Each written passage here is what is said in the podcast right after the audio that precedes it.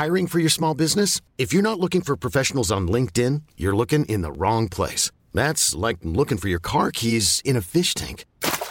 LinkedIn helps you hire professionals you can't find anywhere else, even those who aren't actively searching for a new job but might be open to the perfect role. In a given month, over 70% of LinkedIn users don't even visit other leading job sites. So start looking in the right place. With LinkedIn, you can hire professionals like a professional. Post your free job on linkedin.com slash achieve today.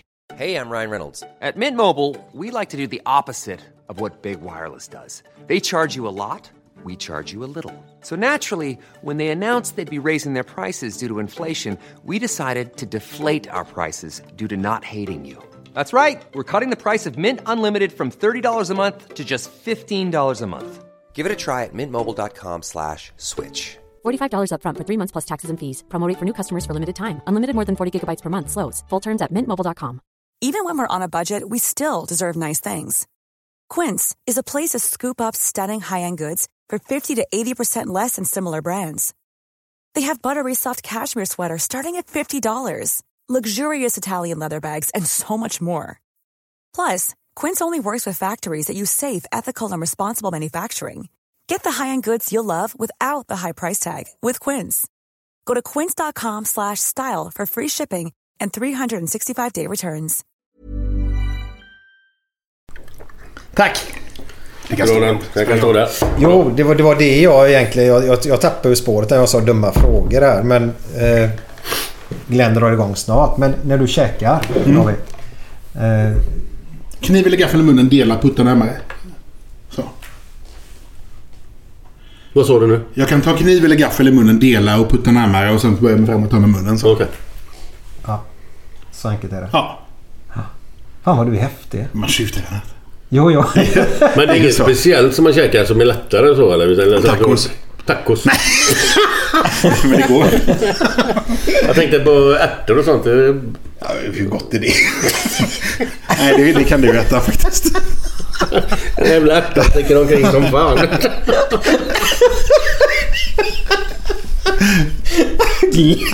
Ja, men det jag ser det framför mig.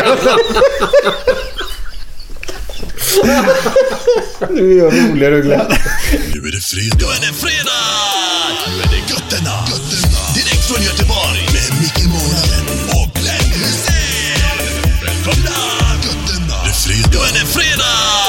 Nu är det götterna. götterna. Direkt från Göteborg. Med Micke Månaden och Glenn Hysén. Välkomna! Götterna. Hallå, hallå! Det var Glenn här och eh, Gött Enna-podden. Idag har vi en person som har gått från att vara en väldigt framgångsrik idrottsman med mängder av världsrekord till att bli politiker. Och det här är ingen mindre än David Lega. Haha! Tackar. Sicken gubbe! Gott med applåder innan man öppnar munnen. Välkommen. Tack så mycket. Ja, vi är ju hos dig nu. Ja, På, er- heter det Rådhuset? det heter Rådhuset. Ja. Gustav Adolfs torg. Vi flyttade ju tvärs över gatan här när det huset behövde renoveras där. Ni bodde väl där va? Vi bodde tvärs över gatan, precis. Där har jag varit och träffat en politiker en gång. Okej, Ja. men då? Kommer inte ihåg namnet. Han var miljöpartist tror jag. Vi skulle prata om spel och spelberoende. Eh, när vi kom in på det kontoret som var betydligt mindre än det här stora kontoret. Ja. Alltså det var det värsta jag sett i hela mitt liv. Det var papper och grejer i stora högar. Och vi, och vi bara sa hur fan kan du hitta grejerna här? Ja, ja men det är, ju- det är lugnt, det är lugnt. Och det såg ut värre än ett Ja, Men jag städade ju alltså. två dagar nu innan ni skulle komma här. Ja, det var så. att, eh, tror nog- Fick nästan bort det mesta va? Ja, det ser bra ut. Jättefint. Jag har varit i denna byggnaden en gång tidigare. Här? Ja, ja. Ja. Länge sedan. Vad gjorde du då? då? Jag gifte mig. Här? Ja, inte i här Nej, nej. Men i rådhuset? Ja, i rådhuset. Ja. Det var jag och Stig Fredriksson. Dubbelbröllop med Daniela och Kerstin. då. Oj. Sen då gick vi ut och käkade middag. Det gick, det gick på fem minuter. Smack sa det så var det klart. Men varför? Var, du, du kan inte ha varit gammal då va? Nej, vad kan jag ha varit då? Eh, bah, 24 kanske? 23, 24? Något sånt. Okej. Ja. Nej, Det var precis innan vi skulle åka till Holland.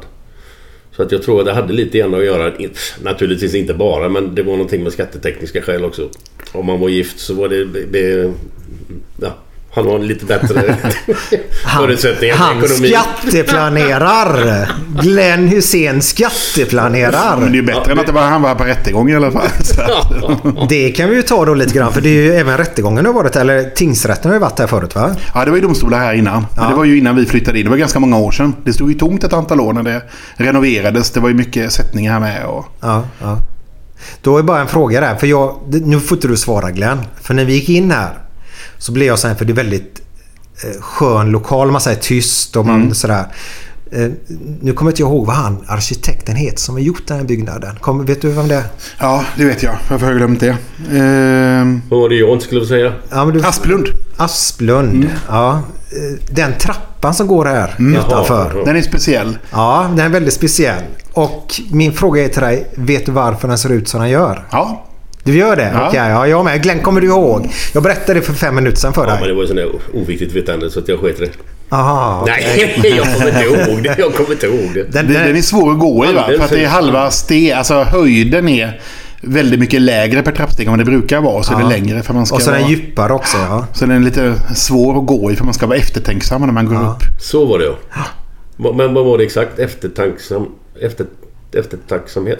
Eftertänksam när man går Ja, ja, till rättegång. eftertänksam. Så var det. Ja. Ja. Ska man bli på vägen upp då? För ofta där uppe var ju tingsrätten då. Ja. så när du Ja, gjort ditt brott och ska upp i den här då. Så ska du få ja, bli efter, Tid eftertänksam. att tänka på vad du har gjort. Ja. Och därför kan man inte springa den trappan. Ja, så du visste det David. Ja, det var ju synd då. Här kommer jag och tänkte jag shit, det här kan 1-0. jag. Ja, Lätt. Det går bra idag. Ja, ja, det studsar tillbaka snart. Men ja, ja, ni sitter här och du är kommunpolitiker idag då. Jag är oppositionsråd då för KD. Ja. Jag måste bara berätta igen då. Ni får ursäkta vet du, våran teknik. Men den kommer att bli bättre. Det här är näst sista avsnittet med den här tekniken. Sen får vi en ny teknik. Är du säker på att den är dålig just nu då? Nej, det vet jag inte. Men det slår i mina där och jag hör inte Ja, heller om det Nej. låter bra eller inte. Så eh, nya grejer är på gång. Så det är bra. bra. Ja, man ska ligga i, i framkant. Absolut. Ja. Gör KD det då? Förlåt. Ja, nej, men det är väl bra. Nej, men jag tycker i Göteborg går vi ganska bra och vi går bättre och bättre på Riks. Så att, eh, det är skönt. Men det handlar ju om att försöka prata om vad man vill göra. Jag tycker det är svårt att alltid lyssna på folk som pratar om vad de inte vill göra. Utan ja. jag vill veta vad folk vill göra. Och det var ju min ingång när jag började här för sju år sedan snart som kommunalråd. Att, eh, jag ska prata om vad jag vill göra och vad jag vill förändra och inte vad alla andra är fel hela tiden.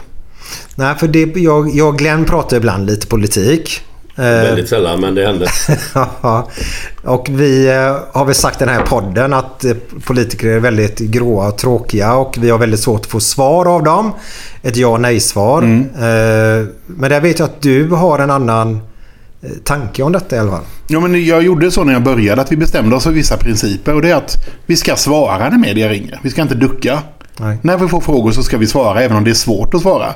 Och jag ska försöka att alltid säga ja eller nej och sen förklara varför jag tycker någonting. Istället för att försöka svara runt det. Och det går nästan alltid. Men ibland är det ju komplicerat och svårt också. Så där man inte riktigt har ett ja eller nej. Nej. Men då måste man ju säga det.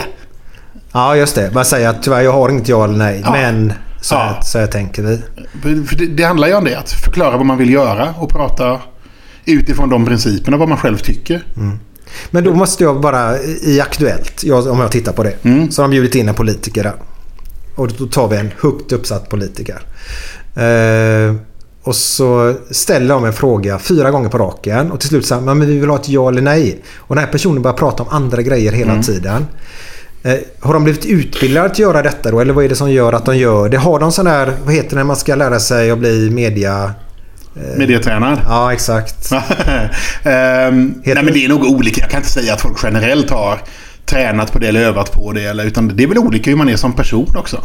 Får du mediaträning? Jag kan tycka att det är bra att sitta och träna och prata igenom en fråga innan man går in i en intervju om något svårt ämne. För att, Alltså, varför ska man inte träna på det? När, man tränar, när jag var idrottare tränade jag hela tiden. Jag blir inte bättre på en vändning i simhallen, i simbassängen, om jag inte har tränat på en vändning. Och när jag tränar på att prata med media så tränar jag ju på att prata så att folk förstår vad jag menar. Därför att jag har ju massor med erfarenhet och kunskap som kanske inte de som lyssnar har. Och då är det viktigt att tänka på hur ska jag uttrycka detta så folk fattar. Men vem, vem, tränar, Det måste jag ju träna. Ja. vem tränar du med då? Liksom sitter du och pratar med någon på kontoret då? Om Ja, men då kan jag träna med några av de som jobbar Ja. med mig i staben här Ja, till exempel. Om det är en fråga de brinner för. att Vi övar och så testar jag ett svar. Så, men funkar det? Fattar folk vad jag menar eller inte? Ja. Därför att det är ju det viktigaste tycker jag. Jag som inte tillhör de styrande partierna i Göteborg utan tillhör oppositionen då. Jag ska ju försöka förklara varför jag tycker mina lösningar är bättre. Ja. Och då måste jag hitta ett sätt att öva på att förklara dem. Men jag menar när jag var ute och föreläste, jag tränade ju på det med. Vill man lyckas med någonting så måste man ju träna. Ja, Spelar ingen roll om det är Playstation eller om det är som snickare eller om det är som politiker eller som simmare. Man måste träna. Men du, ursäkta jag frågar nu, men, men eh, när du är ute och föreläser, vad är det du snackar om? Jag pratade jättemånga år just utifrån eh, personlig utveckling, positivt tänkande, mål, målsättningar men också mitt budskap var ju alltid det här att kanske sluta att jämföra sig med alla andra hela tiden. Utan försöka tävla mer mot sig själv. Vilket låter konstigt när man då var världsmästare och hade massor med världsrekord och sånt eh, som simmare. Men den viktigaste tävlingen var ju den mot mig själv. Jag var nöjd när jag slog mig själv. Men jag kunde vara missnöjd med ett VM-guld om jag hade en dålig tid. Jaha, okej. Så det var inte själva Ja, guldet stora som... krav du. Ja, Om du vinner VM, då tycker jag att tiden... Nej, men jag hade ju tur på ett lopp på 200 uh, frisim som jag inte fick stryk. För jag borde fått stryk. Jag gjorde inget bra lopp. Men min sjätteplats på bröstsim, där gjorde jag ett bra lopp. Då måste jag ju vara nöjdare med mitt pers på 50 bröst. Ja. Eftersom jag presterade dåligt på det andra. Utifrån vad jag kunde.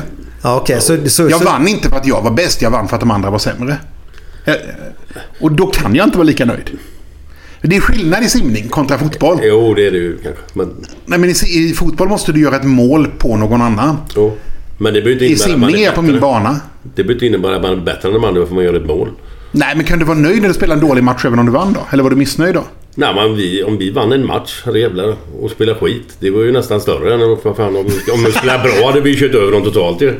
Nej, men det, det kan Ja, man ju nej, men det är diskutera hur länge som helst. Herregud. Men simning har ju en väldigt mätbar... Alltså, jag fick ju på hundradelen hur bra eller dålig jag var efter Mm. ett lopp. Då är det lättare att vara missnöjd med vinst. Eftersom jag såg att men jag kan ju bättre. Men du, nu när vi ändå är inne på simningen här och idrottskarriären här. Vi kan gå tillbaka till politik senare. ja, ja, herregud. Det- Simning vill jag ha. Eh, va- varför blir det just simning? Och jag tänker bara på kroppsligt liksom. Hur, hur, hur får du till det i vattnet liksom? Jag har aldrig sagt att jag är smart.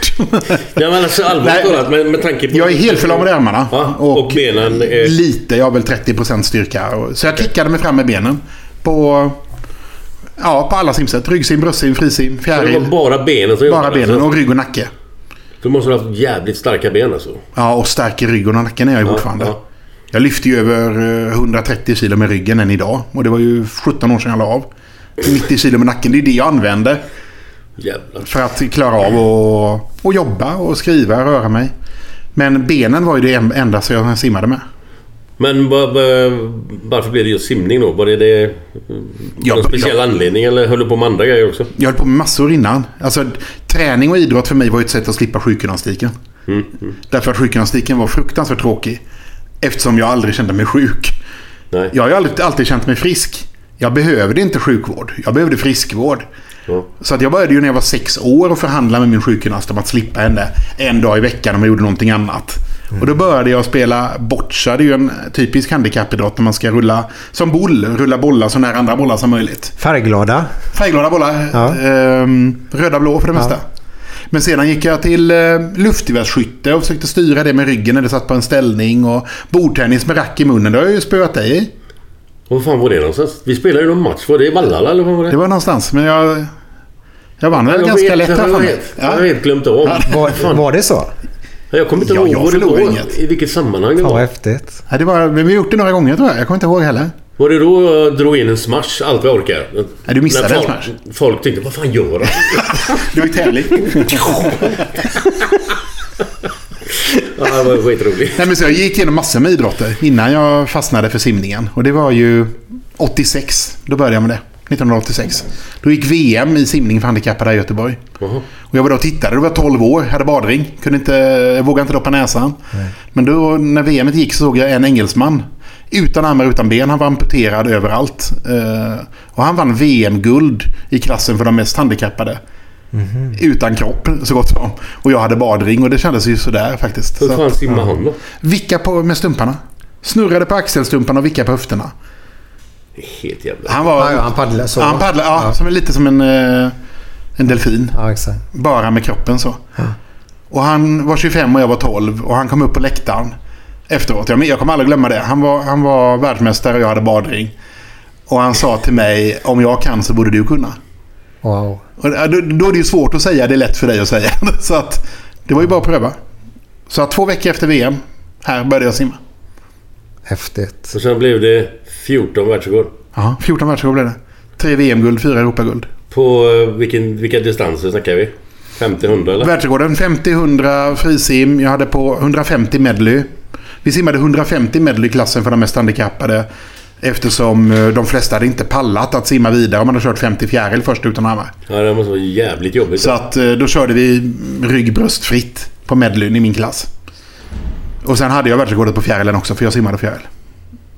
Hur fan går det till då? Delfinkicken med benen och rygg och nacke. Alltså, det var inte min favorit. Alltså hur... Döende svanen kallade han mig för landslaget. Jag vet inte varför. Ja, jag är imponerad alltså. Ja, vad fan. Det är helt sjukt. Det är helt sanslöst. Nej, men det var ju fantastiska år. Men allting under de åren när man är elitidrottare, det vet ju du också, att man, man byggde ju allting på att bli en hundradel snabbare. Och man hade folk runt som hjälpte till med det. Det var ju otroliga år som jag aldrig kommer att glömma. Nej. Så sa det. du? 86 var det första? Ja, det var, då började jag. 1990 var jag med på juniorvärldsmästerskap, så det gick ganska snabbt. Det tog fyra år där. Kvaliteten var väl inte bäst tidigt 90-tal heller. Nej, nej. Och sedan eh, Paralympics i Atlanta 96 och Sydney 2000. Så eh, efter Sydney la jag av. Så det är 14 år typ då, eller? Från, från 86 till ja, 2000? ja, fem, ja, precis. 14-15 år. Ja, ja. Men var det någonting du saknade sen eller? Ja, Men det kan man fortfarande sakna. Okej. När det går ett sim-VM nu och man sitter och kollar så är det ju... Det är ju klart att man saknar tävlingen. Jag saknar ju inte Åby simhall eh, sju på morgonen innan skolan och sen tillbaka på kvällen. Det gör jag inte. Det, men jag saknar ju nerven och pulsen och eh, vännerna. Mm. Det gör man. Men kör du någonting idag? Tränar du någonting? Simmar, simmar du något idag? Jag borde ju. Men, ja, jag borde Ja. Men det gör du inte. Nej, Dåligt. Jag, jag försöker träna en gång i veckan eller två gånger i veckan. Men det är, det är inte alltid jag gör det. Nej. Men jag borde träna mer. Men det är inte alltid lätt att leva som man lär heller. Nej, nej, nej. Nej, det är lätt att säga saker men sen ska man göra det också. Det är svårt att få till tiden. Sen var det ju... När jag la av så hade jag ingen lust. För det var mitt jobb. Jag var, jag var färdig. Okej. Alltså att då tränade jag sista åren tränade jag väl en 13 pass i veckan ungefär. Och att då vara nöjd med en eller två gånger i veckan och se tiderna bli sämre och sämre. Att man inte är i den. Alltså självbilden av hur man är som idrottare kontra hur man faktiskt var. Det tog tio år att komma över det. Sen kan jag, nu kan jag tycka det är roligt att gå och simma ett pass. Jämfört med tidigare. Är det inte så mycket, man pratar mycket idrottsmän överlag faktiskt då eh, får ju den sorgen efteråt när man lagt av vad man säger då. Eh, var det den sorg, upple, upp, upplevde du någon sorg om man så säger? Eller var det bara just att du eh, inte tränade så mycket och kände att du blev sämre bara? Eller vad var det? Nej, jag blev ju tjockare. Det var ju mitt stora problem. Att man gick, gick upp i vikt när man la. Eh, Därför att man eh, rör sig dåligt i en rullstol. Ja. Så är det ju. Så att eh, jag borde tränat mer direkt där. Okej. Det, så var det absolut. Men sorg var det nog inte för jag slutade på mina egna villkor. Många som slutar på grund av en skada när man inte får välja själv. Nej. Det är ju, det är ju svårare. Men jag, eh, jag körde en tävling efter Sydney. Jag kom hem från Sydney i oktober 2000 då. Efter Paralympics går några veckor efter vanliga OS. Och sen körde jag en tävling i Malmö januari, februari 2001. Och halvvägs in i ett lopp kände jag att jag är klar. Ja. Jag minns det verkligen känslan. Jag skulle köra 100 fritt och kom halvvägs och kände bara att det här är mitt sista lopp. Jag är färdig. Jag har inte glöden. Men vilken skön känsla måste det vara ändå om du förstår mig rätt nu då. Ja. Så måste du vara det på något sätt. ja, men det är ju fantastiskt att få sluta när man själv vill. Ja. Och bara känna att nej, jag är Jag är klar. färdig. Ja. Jag- ehm, Jag kan köra fyra år till till ett Paralympics till, men jag vill inte. Nej. Har man inte viljan så går det ju inte. Nej. 100 fritt. Vad hade du för tidigare? 3.14. 3 minuter 14 sekunder. Tog ju en stund alltså på, på 100 meter. Ja, det, är, det finns inga Men sprintlopp för mig. Nej, nej, men sprintlopp det är ju måste 7 ju meter vara- liksom. Kroppen måste, måste vara jobbigt som helvete alltså. Jag hade ju väldigt bra syratålighet och syreupptagningsförmåga. Och det var ju, jag var ju långdistansidrottare. Jag menar, eh, 50 meter tog 1.34. Ja. Så att det är ju en minut långsammare än för Sara Sjöström. Lite Ja, drygt. ja, ja. Så, så är det ju. Ehm, Har de gått mycket framåt nu eller? Idag? De som kör idag? jag har kvar fyra världsrekord. Alltså du har det? Ja. Så att eh, de har gått fram för dåligt. De ska ju inte hålla i 17 år världsrekord. Nej, det är inte många som gör det. Alltså, det är Nej. extremt eh, ovanligt. Men jag, men jag tränade hårdare än mina konkurrenter. De flesta som har så pass grava handikapp som jag har tränade 5-6 gånger i veckan för det var jobbigt nog. De slet på muskler. Men jag tränade 13 pass i veckan och då var jag ju uppe i den nivån som mina konkurrenter är idag. Mm, mm. Så mina tider som jag gjorde håller sig hyfsat. Mina tider jag gör håller inte. Nej, nej, men... Nej, okej. Eller de håller väl i 50 meter men inte i 100. Nej. Nej. Glenn, nivåsättning tack. Ja, nu ska vi sätta nivån. Vet du vad nivåsättning Jag har inte en aning vad nivåsättningen är. Nej, det är bra. Jag borde tjuvlyssnat innan på podden kände jag nu. Nej, det var lite skämt sådär liksom. Ja, ja. Men eh, Glenn? Pelle han sitter och skryter för Per. I vår trappuppgång. Det är en kille som eh, går på lina. Jaha, det är ingenting säger den andra. I våran trappuppgång finns fem kärringar som springer på kafferep. Nej, det är så dåligt. Ja, Det är så dåligt. det, Alltså, det är bland det sämre. Ja, ja, ja, ja, jag fattar. Det finns många olika typer av linor. Ja. Men i mitt löfte som politiker så lovade jag också att inte ha några fejkade skratt. Så att... eh, Ja, du får en chans till här då. Okej. Eh, om man gör illa snoppen på jobbet, får man skadestånd då? Det Ja, men det var ju bättre. Det var värd en applåd faktiskt. Det var bättre Glenn. Ja, Okej, Ja. Eh, David, många av våra lyssnare vet säkert inte vad det är, är för handikapp du har. Mm. Kan du berätta? Det är ett väldigt ovanligt handikapp. Det har inte ens ett eh, svenskt namn. Det, har, det heter artrogryfos. Okej. Det, effekten är... Det heter AMC förkortas det nu. Effekten är att jag har helt förlamade armar. Så jag har ingen funktion alls i armarna och ungefär 30% styrka i mina ben. Och jag kan inte heller sträcka knäna. Jag har låsta knäleder vid 90 grader ungefär. Så jag tar mig fram i en specialuppfunnen rullstol när jag trampar fram. Så det är som en liten trehjuling kan man säga. Och det är det som är. Men vad är, vad är det som gjorde, om man säger, är det... Alltså anledningen är, det kan vara lite olika. Det finns genetiska versioner. Det har inte jag, utan det finns en virusinfektionsversion då också. Att min mamma fick någon förkylningsvirus, förkylningsvirus när eh, hon var gravid med mig i fel läge då. Jaha. Och det gjorde att vissa celler på min ryggrad försvann. Så att överkopplingscellen där med signaler ut till musklerna eh, funkar inte till armar och ben. Nej. Men känsel och sånt är normalt i hela kroppen. Så att jag är inte skör om man säger så. Jag har aldrig ont. Jag har full känsel. Jag tar inga mediciner. Men jag når inte att få någon kontakt med musklerna i armar och ben. Ja, okej. Jaha. Så det, det är som att telefonledningen är av på vissa ställen. Kan man säga. Och sånt går inte att göra någonting åt. Eller?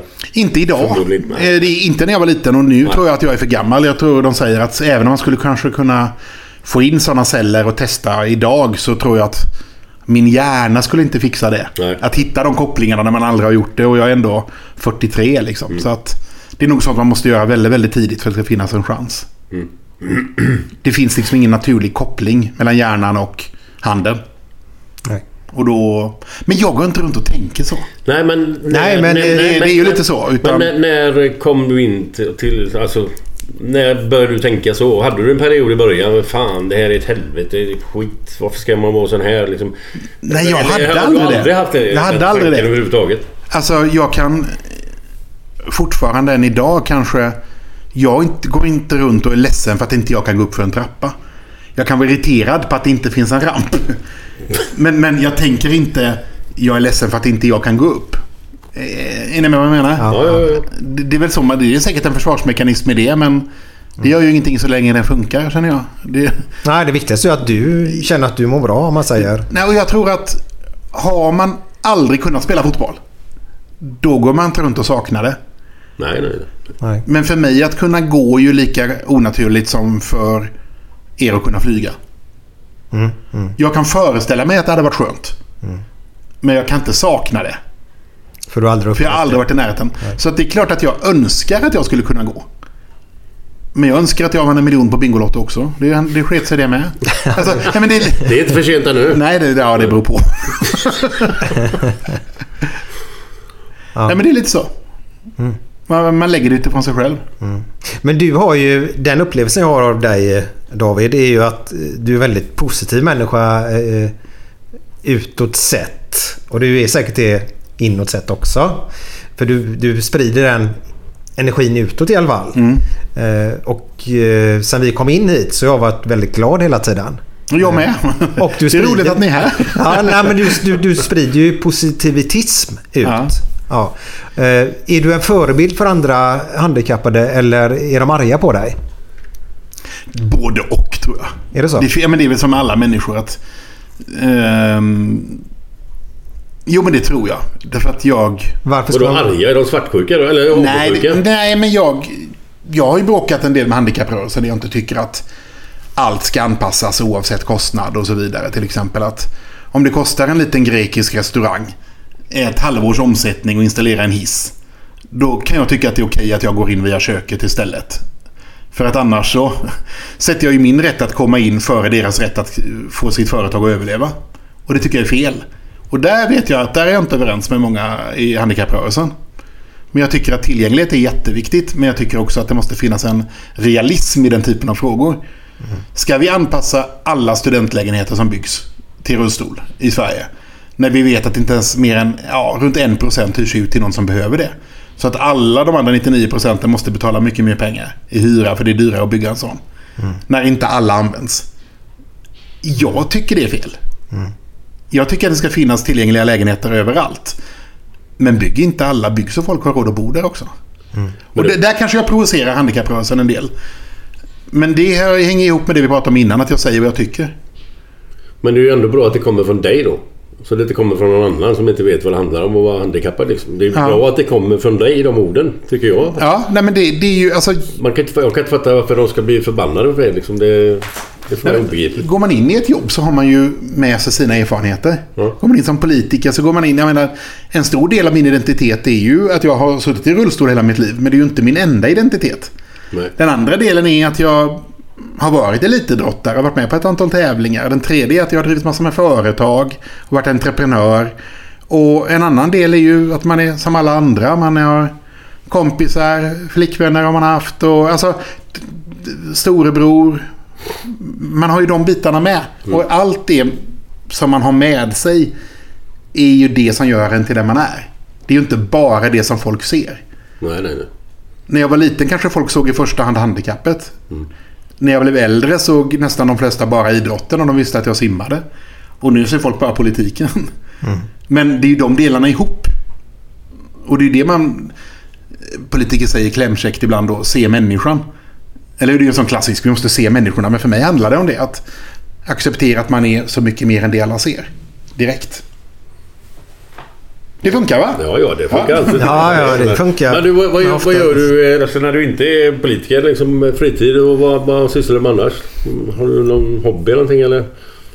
Ja, jag, alltså, jag, nu jobbar man ju ganska mycket. Du så jobbar är det skiten ur det. Ja, men det är ju så. Ja. Det är ju, det är ju val vart fjärde år. Det var OS vart fjärde år. Det finns ju sitt tävlingsmoment i det också. Att man vill göra det man gör bra. Mm. Så är det ju.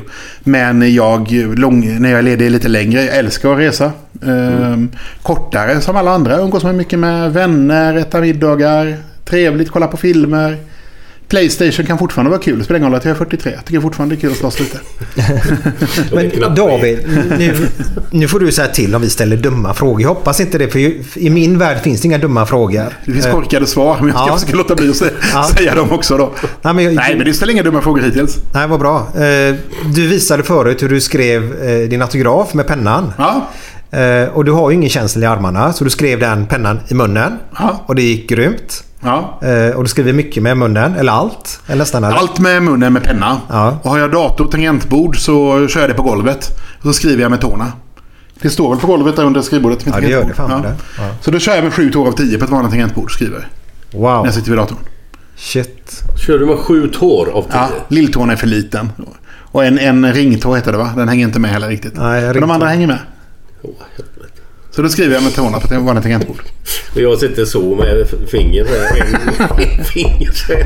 Ja, men jag tänker nu på gamla skrivmaskiner. Det hade väl inte gått med, med, med fötterna eller? För jag tänker A1, kommer du ihåg det? Det var ju lillfinger, vänster lillfinger var ju A1 jämt. Och det var ju alltid Ja, var så det. tungt att slå ner den kommer jag ihåg i skolan. För att Ja, men jag körde A1 skulle ju skrivmaskin tror jag. Ja, just det. Men... Den skulle ju... den- Dunk. Ja, just det. Man får trycka till lite hårdare. Rejält, ja. Det tog längre tid på det än vad det gör på dator. Så är det ju. Ja.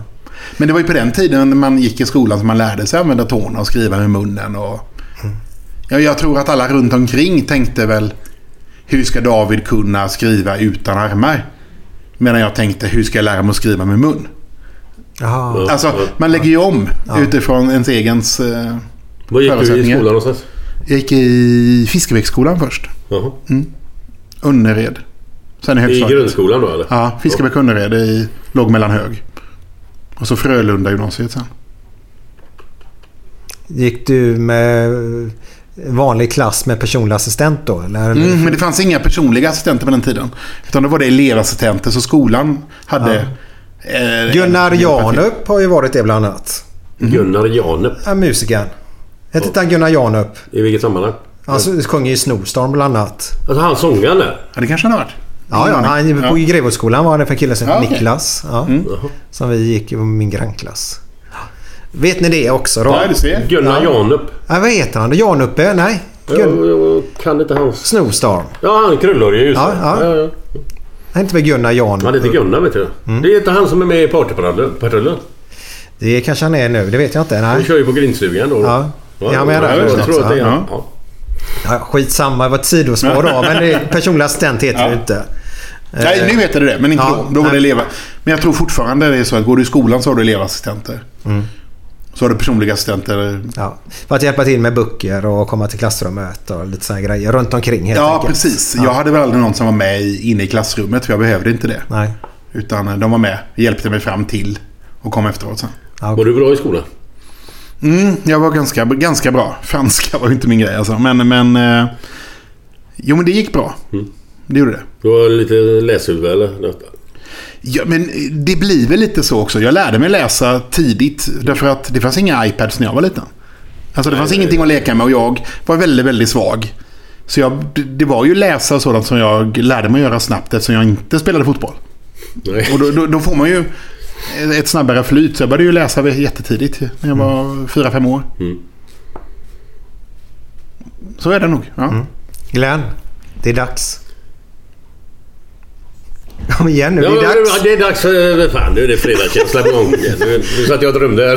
Det är fredagskänsla på gång nu. Glenn var redan på ölen. Här kommer den.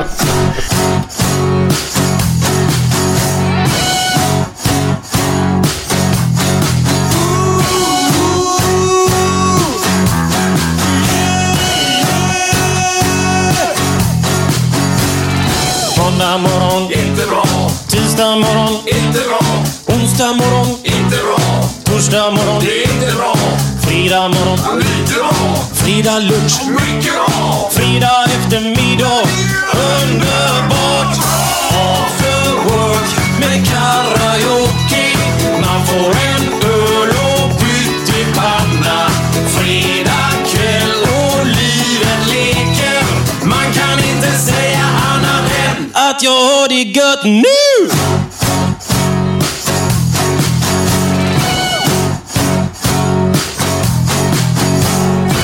Måndag morgon, inte bra. Tisdag morgon, inte bra.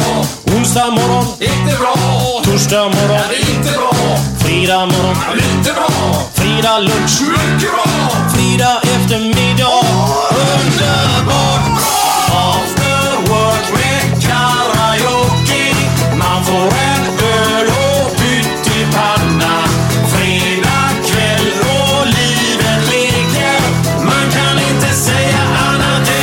Att jag har det gött nu! Björn Rosenström, After Work. Fantastisk låt. Har du hört den? Björn Rosenström var min fadder när vi pluggade juridik. Så jag, ja, vi körde alla de låtarna på den tiden. Vi hade ju med eh, honom i Är det så? Jajamän. Ja. Vi hade podden. Kul. Ja. Den måste du in och lyssna på då David. Det är bara ett tips faktiskt. Ja, det måste jag göra. Kanongubbe. alltså. Han sjunger ju en låt till Glenn i podden. Det är med sig Guran och spelar en låt som heter Glenn. Det måste du Det höra. var inte efter mig utan det var ju, men det var ju kul ändå.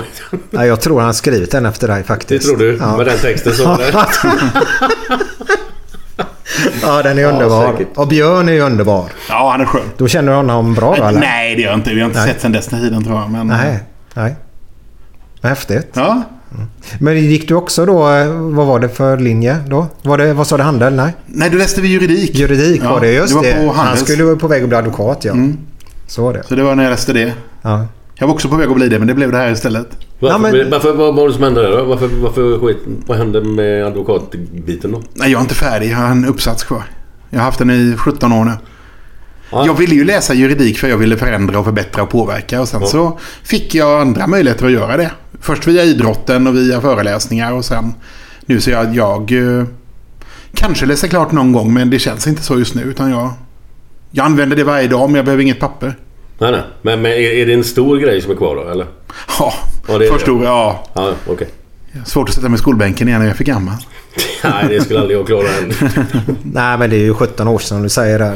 Tappar Ja, man ju lite det. just med den biten då. Så är det. Ja. Så är det. Det hade varit kul att vara klar men jag är inte, jag är inte villig att offra det jag gör nu för att pl- plugga klart. Därför att jag kan inte plugga dåligt då utan då vill jag göra det bra. Men hur, hur kom du in på politik? Alltså, men vad hände för att, från idrotts till... Alltså, var, det, var det någon speciell händelse eller vad, Nej, men- vad, hur, kom du in i detta? Ja, men jag, har, jag har ju alltid varit intresserad och jobbat politiskt, även om det inte var partipolitiskt. Jag satt i Riksidrottsförbundets styrelse och etikråd för Vetenskapsrådet, jobbade med etiska frågor och jobbade med fri företagsamhet för Svenskt Näringsliv. Så jag, jag har ju alltid brunnit för politiska frågor. Men sen när jag eh, kände att jag, jag ville engagera mig mer långsiktigt och då hittade jag rätt i KD. Så att eh, det var på den vägen. Det var ingen speciell person som drog in där eller, eller så eller? Nej, men jag satt och pratade en del med Göran Hägglund på en idrottsgala Ja, okej. eh, innan och sa att jag gärna hjälper till och engagerar mig. Då tänkte ju jag som konsult. Mm. Men då tog han det på allvar. Så sen hörde partiet av sig och frågade om jag ville bli medlem. Så på den vägen är det. Okej. Och då kände jag att eh, då läste jag på och pluggade på lite. Och sen kände jag att det är det här jag har pratat om i alla år. Det här jag står för. Så att eh, då började jag få tänka i sex veckor. Och sen tackade jag ja. Det ser man. Så Så det är i, svårt. För vilket parti du än väljer så får du ju en stämpel i pannan. Ja, jo, jo. Det spelar ingen roll om du är sosse, vänsterpartist eller moderat eller kristdemokrat. Alltså, du får ju en partibeteckning där folk uppfattar dig på ett visst sätt baserat på vilket parti du är medlem i eller företräder. ja, men så, det är inget lätt beslut. Nej, nej. Politik, pratar man politik så är alla olika åsikter oftast. Eh, Ja, och den skillnaden var svår. Alltså, När jag var ute och föreläste då, då ville ju alla förstå vad jag menar. När jag blev politiker så ville över hälften missförstå. Så att, den, ja, men det, det blir ju en skillnad. Ja. Det är klart att man får fundera på. Men då måste jag fråga dig. Eh, du som du säger att alla partier står ju för olika saker och när du då går in och blir medlem i ett parti så matematik så tror ju alla att du står bakom allting som det partiet står för. Mm, men Tror det du- finns ju ingen som gör det. Nej, men Då hade det funnits ett parti per person. Eftersom vi alla är olika. Ja. Alltså, så är det ju inte. Utan man, man känner att jag står för majoriteten. Och jag kan leva med att de bitarna jag inte riktigt står för. Ja. Och om det är en bit du inte kan stå för Mm. eh, och någon säger det till dig. Står du verkligen för detta då så säger du... Vad säger du då? Det beror på vilken det är. Vilken fråga det är. Jag, när det gäller ehm, flyktingfrågor så har jag ju sagt att vi bör ha en väldigt öppen och mänsklig politik vad gäller det. Och det var inte alla i mitt parti som ville med det i början. Nu ligger vi och pratar på det sättet som jag tycker är bra. Men det går ju upp och ner och debatter går fram och tillbaka inom partier också. Det är ju det vi har årsmöten för. Alltså man samlas runt en fråga och diskuterar den, eller runt många frågor och diskuterar dem. Okej. Och så så får man ju acceptera då. Om ett beslut inte går min väg så får jag tänka, kan jag leva med det? Ja eller nej? Ja, det kan jag leva med. Då är det okej. om du inte kan det då? Då, det är ju då folk lämnar partier. Ja, Okej. Du, hur ser en dag ut? Liksom? Är, är det mycket möten och sånt eller? Här inne i Ja, Stadshuset. En Ja. normal dag för dig ju sådär nu. Det finns ingen normal dag. Det, det är, ni är ju här idag till exempel. Nej, men alla dagar är nog väldigt annorlunda. Okej. Utom onsdagar är en sån klassisk eh, beslutsdag då. Kommunstyrelsesammanträde. Och då sitter man och diskuterar alla de ärenden som ska upp till kommunstyrelsen. Det kan vara allting från förskolefrågor till asfaltfrågor till infrastruktur, bostäder. ehm, arenafrågorna är stora i Göteborg just nu som du vet. När man diskuterar ersättning till Skandinavium och så vidare. Så att då sitter man och förhandlar med eh, sina kollegor i alliansen först. Kommer fram till en linje. Sedan har vi möten med eh, de andra. Där man beslutar då, SVMP, hur vi ska hantera en fråga. Och sedan presskonferenser på det och diskutera om det blev som man ville eller inte och vems fel det var och så vidare. Okej. Vems fel det var. Det är alltid, alltid sossarnas fel, det vet du väl? Nu är det så här då David. Nej, men, nej, men det, det är ju så det, det är väldigt, väldigt blandat. Ja. Den andra delen av tiden försöker jag komma ut mycket och besöka företag, verksamheter, äldreboenden, skolor. Men prata med människor. Svara nu bara lite grann. Vilka, vilka, vilka eh, ämnen är det du jobbar inom? För en politiker jobbar ju inte inom alla ämnen, eller? Eller har fel? Jag är oppositionsråd. Vad, Eh, vad menas med det? Förklara. De styrande partierna beslutar hur det ska vara utifrån sin SVMP som har eh, huvuddelen av andelarna i fullmäktige. Medan jag är i opposition då, tillsammans med Moderaterna och Liberalerna. Och vi diskuterar hur vi hade velat göra det istället och lägger motförslag. Jo, men det vet jag. Ja, men det, och det är opposition. Ja. Men jag Men, är tänkte... det, men är det, är det mycket... Hur är det, är det så? Ni är här och så är de där? Eller är det I vissa frågor kan vi vara det. I vissa frågor kan vi vara väldigt ifrån, mycket ifrån varandra. Exempelvis jag och vänstern står ju väldigt långt ifrån varandra vad gäller valfrihet. Eh, lagen om valfrihetssystem och den ska in inom hemtjänsten exempelvis. Där man ska kunna få välja vem som kommer hem och hjälper en när man blir gammal. Eh, där står vi väldigt, väldigt långt ifrån varandra. Sen kan vi stå nära varandra i någon fråga rörande mänskligt värde eller någonting annat. Men många gånger står vi olika. Ja, annars blir det ingen politik. Nej, nej, nej. Nej, alltså, jag har ju tillhört föreningar hela mitt liv innan. Eh, idrottsrörelsen och annat. Och alla de styrelsearbetena bygger ju på att man ska komma överens. Alltså konsensus är ju grejen inom föreningslivet. Hitta ett sätt att komma överens och anpassa sig till det. Medan politiken bygger på konflikt. Att man ska tycka olika och granska varandra. Och båda koncepten har ju sina för och nackdelar. Men då, nu måste jag bara förtydliga det. Jag menar då, du jobbar inom i, vil- vilka ämnen? Alltså, i, Mm. Nej, men jag, jag du kan jobba med alla. Okej. Sen, eh, alltså jag vill Men du måste väl brinna? Du måste väl sitta i vissa styrelser mer än andra eller? Ja, det gör jag. Jag sitter och, som vice ordförande i idrott och föreningsnämnden. Ja. Jag sitter i Stadshus AB som är det kommunala bolaget som äger alla andra bolag i Göteborg, moderbolaget. Allting från Liseberg till... AB Framtiden. AB Framtiden, Higab. Alla, alla bolag vi har i Göteborg. De ligger i en koncern. Och moderbolaget sitter jag i styrelsen i. Okej, Och vad är du för st- i styrelsen där för något? Styrelseledamot då. Ledamot, ja. Ja. Och sen sitter jag i personalutskottet. Som jobbar med personalfrågorna för alla de som jobbar inom Göteborgs stad. Och det är ju över 50 000 personer. Så det är de tre om man säger som du... Och kommunstyrelsen då. Ja. Här uppe. Som eh, i stadshuset. Och i kommunfullmäktige. Men det låter ju som... Man kan säga fullmäktige är riksdagen för Göteborg. Och kommunstyrelsen är regeringen för Göteborg. Fattar Men du det, det låter ju som hur mycket jobb som helst. Ja, det är inga korta dagar. Men jag har väldigt, väldigt roligt. Jo, jo, men så Det- hur dagarna ser ut liksom. Det, det Det är, det är jätteblandat. Det är jätteblandat. Ja. En vecka kan ha väldigt många blandade studiebesök, möten, presskonferenser, beslutssammanträden. Mm. Men det är också otroligt spännande. Jag har aldrig lärt mig mer än vad jag gjort under de här sju åren.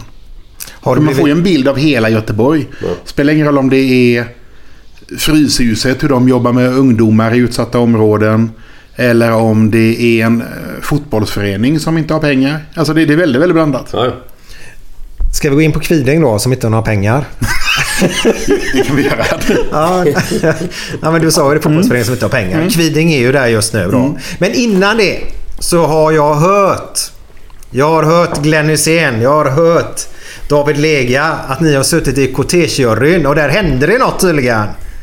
Vad var det som hände? ja David, eh, Nej, det var David nog- kan berätta. Det var nog det mest pinsamma jag har varit med om hela mitt liv. Jag är helt fascinerande. Är det det? Det var, är det två år sedan? Tre år sedan? Inte. det är tre år sedan nu tror jag. Så tre kanske. Få höra. Vi satt i kortegejuryn tillsammans med några till. Ehm, Efter kortegen hade gått så ska vi ju sitta och bestämma då vilket, eh, vilken vagn vann och så vidare. Och sen skulle vi bara upp kort på scen två minuter och meddela vem som vann. Det hade inte Glenn någon lust med alls. Så när vi gick upp där för att kort meddela vem som vann så säger Glenn Innan vi gör det ska jag dra en vits. Du känner igen honom eller? Och jag tänkte bara det här kan ju gå precis hur som helst. Jag stod bredvid. Jag hade ingen mick. Han var ordförande. Utan, utan jag fick ju bara stå där och se glad ut. Var Glenn ordförande? Du fattar ju. Så han var ordförande i kvartersjuryn. Säger jag ska bara dra en vits och ingen var speciellt sugen på att lyssna på Glenn och dem. Och då, i publiken hade vi Stefan Löfven. Vi hade... Han där. Han var där.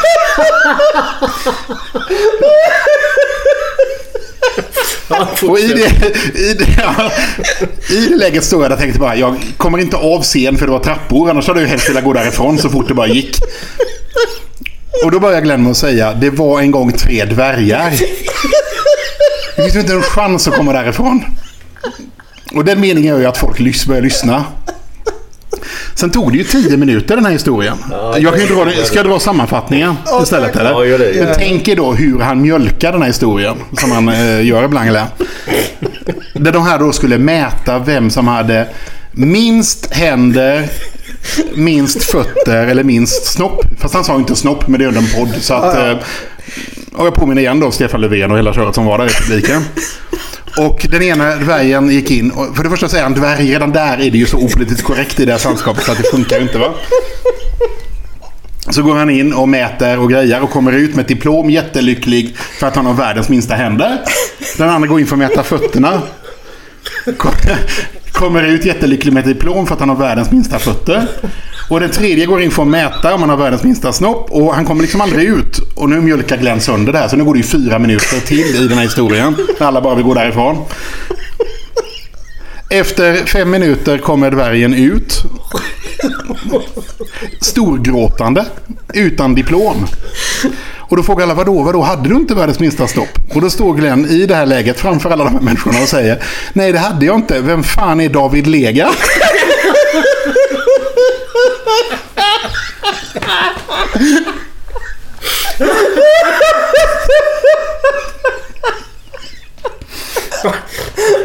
Jag såg på det att du var lite småsur. Nej, och det roligaste sen var att han klappar mig i ryggen och säger, nu får du dra en av mig. och jag sa, nej men du vann idag nej. Åh herregud. Du skulle se den kön på hundra personer som stod i kö efteråt för att skälla ut Glenn. Det var så. Ja, så var det. Ja, jag var väldigt säker. Hur mycket sånt var det innan då? Ja, det var lite bira innan. Det var det. Några, några var det Men väldigt kul. Ja, det var jävligt. Åh herregud. Tack för den. Åh, helt tårögd alltså. Ah, det var det roligaste jag varit med om. Åh. Nu är jag svettig kan jag säga faktiskt. Nu rinner det på ryggen. Men ta, ta någon sån där till. Du hade hört något annat va? Ja, jag har hört massa. Han vill byta ämne nu va? Ja, just det. Ja. Nu, nu lägger vi fokus på David där nu vill Glenn. Ja, det tycker jag. Men då gör jag faktiskt det. David. Vi har pratat politik här nu lite grann. Eh, Jag kommer att ha två frågor sen om politik som är i egenintresse då. Okej. Som jag vill diskutera lite grann varför det är så. Bland annat svettningar nu som jag får av situationen då. Eh, Vi ska sitta och diskutera dina svettningar. Yes. Okej. Nej, men Det är bra ändå att du förvarnar mig. Det, det, Ja. det, ja, men Ingen det, läkare. nej, men det är en livsstils... Eh, Okej. Mm. Är du med mig lite grann? Inte, nej, inte i närheten, men det tar vi sen. Ja. Ja. Min livskvalitet är sämre mot vad den borde vara. Okej. På grund av det. Eh, men i alla fall. Eh, jag har hört då. Du var vice partiledare åt Göran Hägglund. Låt säga Ja. så. Ja, det var jag. Mm. Det var bara det jag skulle säga. Och något möte. Ja, det var ju också hemskt pinsamt. Alltså det var mitt första möte som vice partiledare åt Göran. Var det ditt första? Ja, det var mitt första partistyrelsemöte. Jag kom upp till Stockholm. Då var jag ändå ganska nervös för det var en helt ny värld. Göran sitter ju då som ordförande på kortsidan av bordet så här som vi sitter nu. Och, eh, Och där sitter all- David just nu och kan vi säga. ja, ja, precis. Och, då, och jag satt där Glenn sitter precis till vänster om för det ska vice partiledaren göra. En på varje sida. Så där satt jag och så satt hela bordet då fullt med partistyrelseledamöter. Det var stora svåra frågor och jag hade ju läst på och förberett mig för det var verkligen första mötet. Då är man ju lite nervös. Och så har man ju alltid så mobilen liggande på bordet och så vidare. Lite anteckningsblock bredvid och sådär. Några dagar innan hade jag laddat ner ett spel till mobilen som heter Tiny Death Star, ett Star Wars-spel. Okej. Och så hade jag inte lärt mig att stänga av det här med notiser. Så när jag sitter där i det här första mötet så ser jag bara mobilen lyser upp mellan mig och Göran. Och det står Darth Vader compels you to return his call. Ring tillbaka till Darth Vader. Alltså, står på min mobil. Jag tänkte det här, är, det här är så fruktansvärt pinsamt. Och Göran bara tittar på mobilen. Säger ingenting. Jag tänkte bara, jag är 12 år gammal kändes det som. Och sen bara fortsätter han att prata, så låtsas som ingenting. Fem minuter senare börjar han sig framför mig och viskar. Och så viskar han, behöver du gå ut och ta det? Jag kan hålla i mötet under tiden om det här är viktigt. Så att, eh, spring Med ut och- Darth Vader? Ja, och jag bara, nej han får vänta göra. Nej, det var- ah. ja, men inte, man vill ju gärna visa sin bästa sida i det läget. Och det, Första mötet också. jag visade min riktiga sida. Ja, ja. Snarare än min bästa sida. Ja, värre kan det inte bli. Nej, det var hemskt. Det var hemskt. Ja, men då, nu kör vi Kviding. Vi snackar fotboll. Ja. Idrott, simning. Eh, Kviding, inga pengar. Pratar om fotbollsföreningar där som inte har pengar. Eh, Kviding har inga pengar. De har 10 miljoner i skulder Glenn. Oj. 10 miljoner snackar vi om här nu. Eh, jag är också en föreningsmänniska. Jag vet hur mycket de sliter där ute. Många föreningsmänniskor. Eh, och jag har alltid undrat hur, hur Kviding kan få så mycket genom åren. Har jag ju trott då, om du förstår mig rätt nu. Jag har inga belägg för det här. Utan det, det är ju sådär man alltid undrat hur det, hur det har funkat. Och, eh, du bör ju kunna denna delen väldigt bra. Jag vet ju att nu senast så vill de ha en... Hjälp mig på traven, vad heter det? Rek- Rekonstruktion heter det, som ett företag gör. Som, Istället för att gå i konkurs så går alla de som eh, Kviding är skyldiga pengar med på att de får en chans till. Så man betalar tillbaka vanligtvis runt 25% av sina skulder om man försöker bygga upp föreningen ungefär som man gör med ett företag igen för att ge dem en chans att överleva. Så 205, eh, 2,5 miljoner ska man ha i skulder istället. ja, ja, precis. det, beror, det beror lite på hur man ser det. För banken kommer ju att kräva tillbaka alla sina pengar oavsett antagligen. SE-banken snackar vi om nu då. Eh, Jag tror det är SE-banken. Det kan vara Handelsbanken som har en del också. Ah, okej. och de har borgensåtaganden i ett hus då som Göteborgs stad som som borgen är för. Och det blir ju ni som får betala det Ja, om de inte det. kan betala det. Våra, det. våra skattepengar då Glenn. Så är det. Ja. Men eh, alltså Kviding har gjort en fantastisk nytta för alla de barn och unga. Mm. Inte minst som eh, bor och spelar runt Härlanda park och hela det området. Jag tror de har är det 900 barn där i veckan som spelar fotboll. Det är, Ja, det är nog sant, det, ja. det är en enormt fin verksamhet. Men någonstans kommer man till läget där man känner då har den här föreningen mitt förtroende att fortsätta en gång till eller kommer det att bli värre? Ehm, och där har vi väl kanske lite olika åsikter medan jag tycker att nu är förtroendet förbrukat för den här föreningen. Så jag skulle vilja överklaga det beslutet för att se om det om de ska få en chans till eller inte. Ja. Det var så, GP hade ju sån här rekonstruktion. Hade ju de. Där Stam- de ja. Stampen, ja. Där de la med också då 75% av sina skulder då. Eh, Och dragit igång det igen då. Får, var, varför får en fotbollsförening göra det? Ja, Det är det jag skulle vilja pröva. Om en fotbollsförening får lov att göra det egentligen. Nu tror jag inte Vänsterpartiet som är ordförande i nämnden går med på detta. Utan de kommer nog att... Det är Bettan vi pratar om. Det är Bettan Andersson ja. Ja. Jag tror, Boxaren. Ja, jag vet. Jag har träffat henne ett andra gång. Mm. Utan jag, jag hade ju hellre sett att man faktiskt prövar detta i hovrätten också. Dels om en förening kan göra det. För det har ju lite att göra med hur stor andel av föreningen som bedrivs på affärsmässig grund. Och jag tycker någonstans att det som skiljer föreningar och företag är just affärsmässighet. Föreningarna ska vara ideella och bygga på ideell grund. Det är en jätteviktig del. Om alla våra föreningar, vare sig det är elitklubbar eller om det är scouter. Om de ska börja behandlas och eh, arbeta som företag gör. Då tappar man glöden och det ideella. Det är att man går ner och får hjälpa till. Och det tycker jag, vi behöver företag i Sverige och i Göteborg. Men vi behöver för- föreningar också. Vad jag tänkte på eh, bara där med... med Vi kan säga att det inte är min telefon. nej, det är Det Göran. Göran Grell är det som ringer. Jag vill ha en jag har hört på dig nämligen. Men du, b- b- Vill jag. Jaha, då får du svara då. Nej, jag får ringa upp honom. men när du är inne på. Kviding nu. Ja. Var det inte något annat med Kviding för något år, några år sedan? Att de hade fått De har pengar för... mass- bidragsfuskat har de gjort då. Men hade de inte fått pengar för någonting? Att de hade... Jo, de har... De är flykting- flyktingar också. Ja, Ja. Men vi kan börja från början där lite grann. Eh, ÖIS ordförande idag var ju ordförande fram till 2011-12 där någon gång va? Jag har inte åren i huvudet på det. Nej. Ehm, Och, och redan då var det ju back. De var ju på väg att ihop ÖIS och Kviding och göra en satsning där. sen kan man ju diskutera, alltså det gamla rörande de lokala, vi byggde nytt klubbhus där och så vidare. Så det var mycket runt det. Äger de de klubblokalerna där eller? Äger Kviding eller? Ja, men vi har ju ställt borgen då. Så skulle de gå i konkurs och så vidare så är det ju kommunen som får ta över hela, både planerna och huset om man säger okej. så. Ja.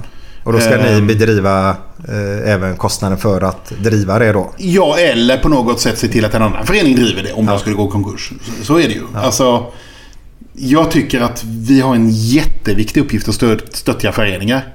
Vi ska stödja föreningar som jobbar med barn och unga och även elit. Men på olika sätt. Men vi ska inte stötta varje förening oavsett hur de beter sig och hur de agerar. Utan vissa föreningar kanske inte har förtroende längre. Och jag tycker man ska betala tillbaka sina skulder och ha en rimlig verksamhet. Men är det inte bästa? För vi pratar ju i tidningarna Rannebergen och Lundby blandat har ju kursat va? Ja, de har kursat och då flyttade man ju över lagen till andra föreningar så de kunde jobba så istället. Kan de inte dra igång en ny förening där ute som bara heter någonting annat och så fortsätta verksamheten imorgon egentligen och flytta över alla ungdomarna dit? Måste vi gå nu till vintern eller? Ja, fast nu kommer de... Överklagandet kommer ju inte göras nu då eftersom inte ni har inga möten? Vänsterpartiet vill det egentligen heller. Ja, Okej. Utan de skulle röstat ner det. Planning for your next trip? Elevate your travel style with Quince. Quince has all the jet setting essentials you'll want for your next getaway, like European linen, premium luggage options, buttery soft Italian leather bags, and so much more. And it's all priced at 50 to 80% less than similar brands. Plus, Quince only works with factories that use safe and ethical manufacturing practices. Pack your bags with high-quality essentials you'll be wearing for vacations to come with Quince. Go to quince.com slash trip for free shipping and 365-day returns. Hiring for your small business? If you're not looking for professionals on LinkedIn, you're looking in the wrong place. That's like looking for your car keys in a fish tank. LinkedIn helps you hire professionals you can't find anywhere else, even those who aren't actively searching for a new job but might be open to the perfect role. In a given month, over 70% of LinkedIn users don't even visit other leading job sites. So start looking in the right place. With LinkedIn, you can hire professionals like a professional. Post your free job on linkedin.com slash achieve today. Even when we're on a budget, we still deserve nice things. Quince is a place to scoop up stunning high-end goods for 50 to 80% less than similar brands. They have buttery soft cashmere sweaters starting at $50, luxurious Italian leather bags, and so much more. Plus, Quince only works with factories that use safe, ethical, and responsible manufacturing. Get the high-end goods you'll love without the high price tag with Quince. Go to quince.com slash style for free shipping and 365-day returns. Mm. För, Men som det är just nu i Kviding så är det som vanligt eller? Det är inga... Nej, de ligger under... Detta Jo, också. men jag, det, jag menar själva verksamheten. Barn och unga kan spela där. Ja. Det, de kan fortsätta. Ja, det är ja, inga problem med det där menar jag. Nej, de Det är väl elitverksamheten som inte Ja, kommer att, nej, att funka på det sättet. Yes. Och det, har de inte råd för elitverksamhet så ska de inte ha elitverksamhet. Nej, det tror fan Nej, det det. var det jag Sen tänkte. hade de ju en del eh, fusk i sina eh, bidragssökningar också. Där de anmälde massor med barn till aktiviteter som inte var på aktiviteterna. Okej. Det kallas för lokalt LOK-stöd då, lokalt aktivitetsstöd. Ja, även det statliga fubbarna har ju med också.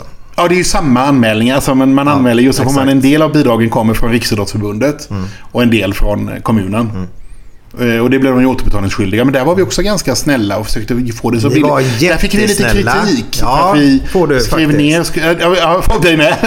men Nej, men vi fick mycket kritik där för att vi skrev ner skulderna och sa att ni behöver inte betala tillbaka snabbt. Ni får en ganska lång återbetalningsplan så att ni har möjlighet att klara detta och rädda verksamhet. Mm. Men sen trots det så klarar de ju inte det då. Och då kände jag att då kanske gränsen får gå här.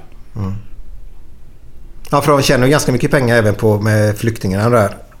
2015 var det va? I november där som den strömmen kom. Var inte det 15 va? Ja, sen vet jag inte exakt hur mycket det var, det har jag inte i huvudet heller. Men, men, men de har ett, eh, skulder till kommunen på ungefär 600 000, lite drygt. Plus de här 6 miljonerna i borgensåtagande.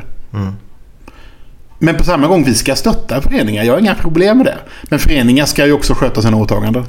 Ja, man måste ju klara av det ekonomiska. Ja. Så, är det, så är det. Men jag bara tänker så här. Alltså, kan de inte då göra en kursning och ha kvar alla barnen och flytta över en ny förening bara? Eh, med ett nytt orgnummer och börja om och ta väck elitsatsningen eh, satsningen som de har. Som har Och det kan ju ske via en rekonstruktion också. Om man nu säger så att man tar bort elitverksamheten och så vidare. Men, Ja, men skulderna finns ju kvar då. Ja men, ja, men problemet med en förening är ju att föreningen styrs av årsmötet. Alltså varje förening har ju sitt årsmöte och de väljer styrelseledamöter. Och jag kan tycka att de som sitter där nu verkar vara jättebra. Men jag kan inte bygga ett beslut på förtroende baserat på vilka som sitter i styrelsen. Utan det får jag göra på om föreningen har skött sig. För att vi vet ju inte vad som händer nästa årsmöte. Det kan vara helt ny styrelse då. Så är det. Men vi, vi måste fortsätta och vi ska fortsätta att stötta föreningar. Vem betalar han som går in och gör rekonstruktionen nu? Eh, Det ingår väl i fordringen då. Exakt hur det betalas via tingsrätten, det, jag kan inte svara på det. Det är vi skattebetalare som gör det. Ja, men vi lägger enormt mycket Ja, men- pengar på att stötta föreningslivet. Jag vet, det, ja, men det var ska inget- vi göra. Ja, Ja. det ska vi göra. Men, men jag- men frågan är... Alltså om, om rekonstruktionen lyckas, det kan bli billigare för skattebetalarna idag. Men vad händer på lång sikt? Mm. Är det rätt att fortsätta tro på, på Kviding som förening? Jag tycker inte det. Jag tycker de har fått sina chanser. Men har du kollat, vet du om, är det, är det elitdelen som är problemet, inte ungdomsdelen? För den är ju, som du säger, fantastiskt 900 barn där som är aktiva. Ja, och allt hänger ihop i en balansräkning. Alltså, man har inte lyckats betala sina skulder. Man har inte fått ekonomin i balans. Och då tycker jag inte att alla de pengarna som ska gå i bidrag till barn och unga. Då är jag inte helt säker på att de går dit heller. Nej, just det. Nej. Hur tror du att det kommer att gå? Jag hoppas att de klarar det nu. Om vi nu gör detta och det inte blir en överklagan, om vi inte får som jag vill där. Då hoppas jag ändå att det går bra för, för föreningen. Det är klart jag gör. Ja, men det gör ju alla. Vad är det för Ja, det finns ju ingen eh, skadeglädje i det. Utan Nej. Det viktigaste för barnen är att det finns bra förening där ute så att de kan spela fotboll och fortsätta att umgås och utvecklas. För det, det är ju så. Men vad Vi- har vi för tidsgrej nu då innan det ska beslutas eller? Ehm, ja, tingsrätten fortsätter sitt arbete ihop med rekonstruktören då efter detta nu. Ja, ja. Men finns det en speciell tid innan det blir ja eller Det, nej? det eller? kan ta två, tre månader innan rekonstruktören eh, känner att kommer det att funka eller inte. I så fall. Azalea har väl bara ungdomar, va? Ja, det är ju GFF gamla... Mm. Vad det är de, de gick ur, ungdomsstationen gick ur GFF där. Ja, just det. Ja. Det är ju en fantastisk förening, tror jag i alla fall. Det är vad jag har hört. Ja, nej, men det finns, vi har ju fantastiska föreningar i Göteborg. Så man kan ju driva en förening utan A-lagsverksamhet. Absolut. Vi ska ju ha både bredd och elit i Göteborg. Men ska du ha elit så ska du klara av att hantera den. För jag kan tycka att de viktigaste är att skattebetalarnas pengar, kommunens pengar, det ska gå i första hand till barn och unga. Kan jag tycka. Och elitidrotten ska kunna bära sig. Ja, med, med egna pengar. Med egna pengar i första hand. Ja. Sen är det ju så att det, så är det ju inte överallt ändå. Jag menar vi är ganska snälla mot alla våra elitklubbar. På vilket sätt? I arenafrågor. Ja, just det. I... eh, Jag menar, kolla på... mm, Vad heter det nu igen? Häckens nya arena. Bravida Arena. Den ägs av kommunen. Jag menar, det det är en jätte, jättefin arena. Gamla Ullevi funkar bra för de klubbarna där. Kopparberg spelar på, eh, på Vallala IP än så länge. Ehm, Så får vi se hur de gör det om det blir ny arena. Men eh, vi ska ju hjälpa till. Mm. Det är ju turism också. Det är ju pengar. Är det, snack, Allt hänger om, ihop. är det snack om att det ska bli en ny arena på Vallala? Det finns lite olika möjligheter om arenan kommer. Alltså, jag tror det finns två ställen man kan bygga den på. Antingen bygger man den på Vallala IP på andra sidan gatan. Eller så bygger man den där Valhallabadet och sporthallarna ligger. Där skulle jag vilja bygga den. För jag tror att den måste hänga ihop med mässan. Och med hotellen för att få det här all under one roof-konceptet. Att du kan gå under tak från hotellrummen via mässan till arenan. Det är vår konkurrensfördel. Att allting ligger ihop. Annars så har vi ingenting att konkurrera med London eller Paris med. Men vår fördel är att vi har en liten tight stad där allting ligger vägg i vägg. Och det ska vi fortsätta Men vart skulle, Vallala ta vägen då? Eh, Ja, Jag hade ju gärna sett att man byggde det på vid lilla Lisebergsentrén. Bygga nytt bad där. Ja, vid parkeringen. Stora parkeringen. där. ihop ja. med det äventyrsbadet som Ja. Liseberg vill bygga. Där hade jag gärna sett att man byggde en modern tävlingsarena också. Jag menar Eriks, Eriksdalsbadet i Stockholm är ju gammalt och utkänt också. Mm. Vi har ingen bra simanläggning i Sverige. Så jag tror att vi hade kunnat tjäna på det. Sara Sjöström kollar på i åtta år till minst. Vi, vi har bra, bra simsport i Sverige. Mm. Och ett VM i simning klarar Sverige av att ha. Det hade Göteborg klarat av att ha. Fotbolls-VM klarar vi inte, det är vi för små för. OS klarar vi inte. Men jag tror att vi klarar ett sim-VM. Friidrotts-VM är tveksamt. Det är stort. Jag vet inte hur det gick senast, men eh, 95 var det ju senast. Mm. Jag vet inte hur det gick då rent ekonomiskt, men det var ju en jävla massa folk. Mm, och det, det, det är ju jättesvårt att mäta sånt. Ja. Hur mycket ger det i hotellnätter? Hur mycket ger det i eh, restaurangbesök, i turism, ökad handel och så vidare? Men det är klart vi ska fortsätta evenemang. 95 då i samband med VM där, om inte jag har helt fel nu då David, så startade vi Göteborgskalaset va? Ja, just det. Som sen blir Kulturkalaset. Ja, som nu håller på här utanför vårt fönster här faktiskt. Eh, Startade igår. Stämmer va? God mat här på Gustav torg. Det finns många kul... eh, Ja. Vad, hur kommer det sig att det blivit så litet? Förstår du vad jag menar nu eller? För jag vet, ni har ju tagit pengar från Kulturkalas och lagt det till eh, jul i Göteborg va? Eller jul på Liseberg om man nu kan. Julstan eller vad heter det? Ja, julstaden är ju en del också som är viktig. Sen, sen handlar det väl om att hitta rätta mun efter matsäck någonstans. Vi ska ha kalas. Vi ska ha jul på Liseberg och julstaden. Men vi ska ha mindre grupper i förskolorna, menar jag. Vi ska ha bra hemtjänst. Vi ska ha äldreboenden som räcker till så att folk känner att de får en värdig vård när man behöver hjälp. Alltså, vi har en påse pengar som ska räcka till väldigt, väldigt mycket. Och För- det är ju den här jättebalansen. Det är det svårt. Nu hängde inte jag med riktigt. eh, För jag pratade julstan, Liseberg, eller vet du det? eh, Kulturkalaset. Ja, ja, du menar det att... Men de tog inte pengar därifrån för att ge till ungdomar? Nej men, nej men vi har ju skatteintäkter och sen budget på det. Och det är klart att vi måste välja vart pengarna ska gå. Ja, jag okej. skulle ju hellre se att vi la mer pengar på att minska barngrupperna i förskolan än mycket annat. Då är jag med. Därför att det, det är ju förskolan, den tiden av åldern när man faktiskt behöver se sig med vuxen. Man behöver få ögonkontakt, man behöver få en kram. Man behöver prata med folk. Man, det är ju där vi växer som individer också, som människor. Och man behöver ha förhoppningsvis samma eh, förskolefröken hela vägen. Och det har man inte idag heller. Nej, vi har en jätterörlighet givetvis. Men det är ju ett löne... lö- Alltså du, du höjer din lön på det sättet. Ja, och det är ju inte bara lön det handlar om också. Det handlar ju också om att vi inte har lokaler nog. Det är trångt. Vi, vi har för lite äldreboenden och för lite förskolor. Varför har vi det?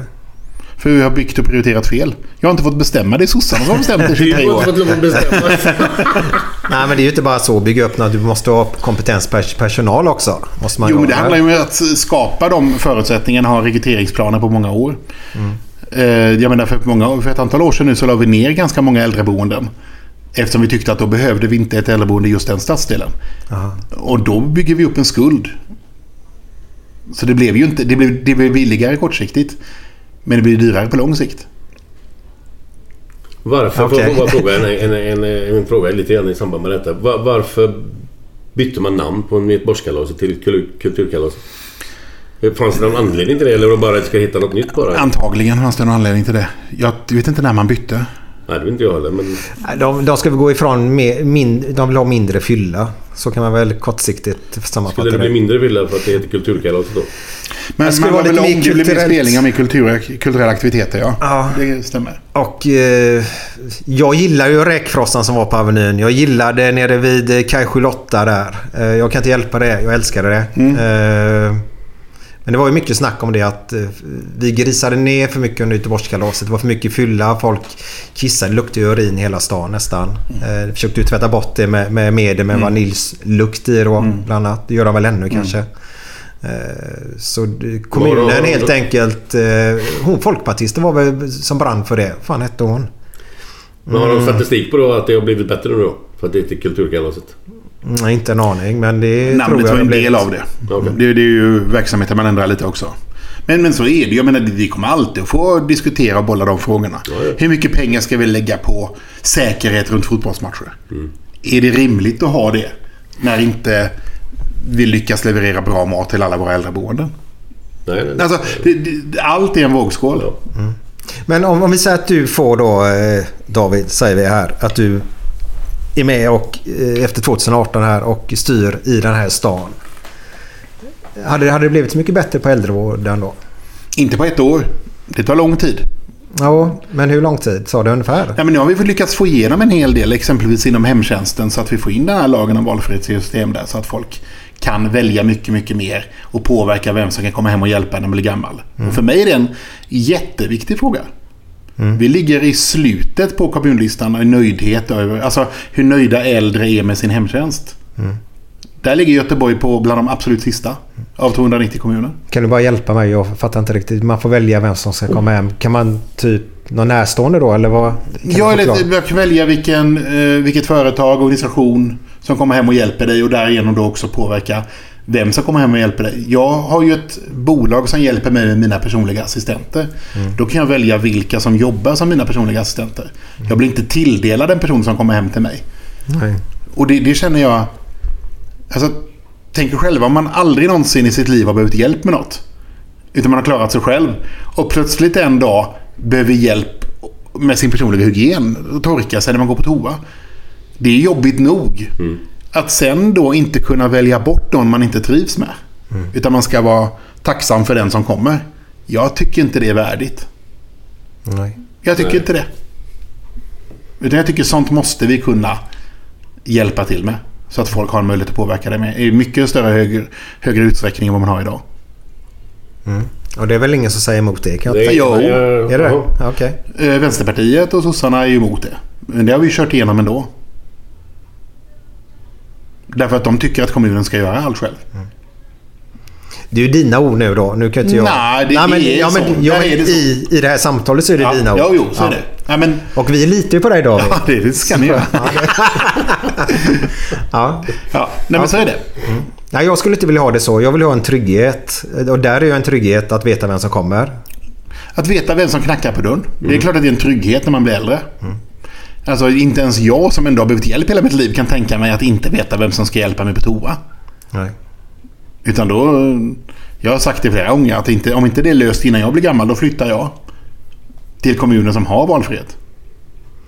Och det finns det eh, flera. Ja, det räcker nog att flytta till Mölndal tror jag. Ja. Alltså hur kan det vara så jävla skillnad på så... Alltså, Det är- Mölndal och Göteborg, fan det är ju samma sak. Kommunala det är olika kommuner är det. Jo, jo, jag vet att det är olika kommuner men vad fan.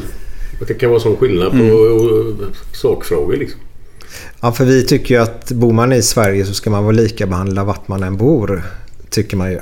Mm, Men så är det inte Glenn. Nej, det var så fan. Ja, fast det, det är väl där det är olika. För mig, jag tycker också att man ska ha ett lika värde och ska ha samma förutsättningar. Men samma förutsättningar för mig betyder inte att vi alltid får samma sak. Därför att vi kanske vill ha helt olika saker i våra liv. Utifrån våra förutsättningar och vad vi trivs med.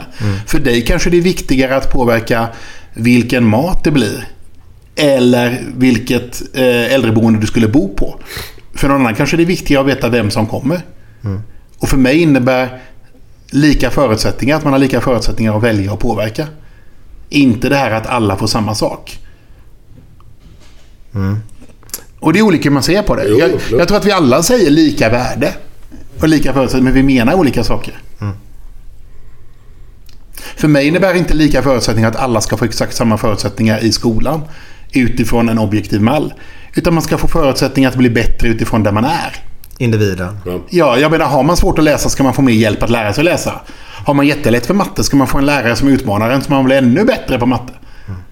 Det är för mig samma förutsättningar.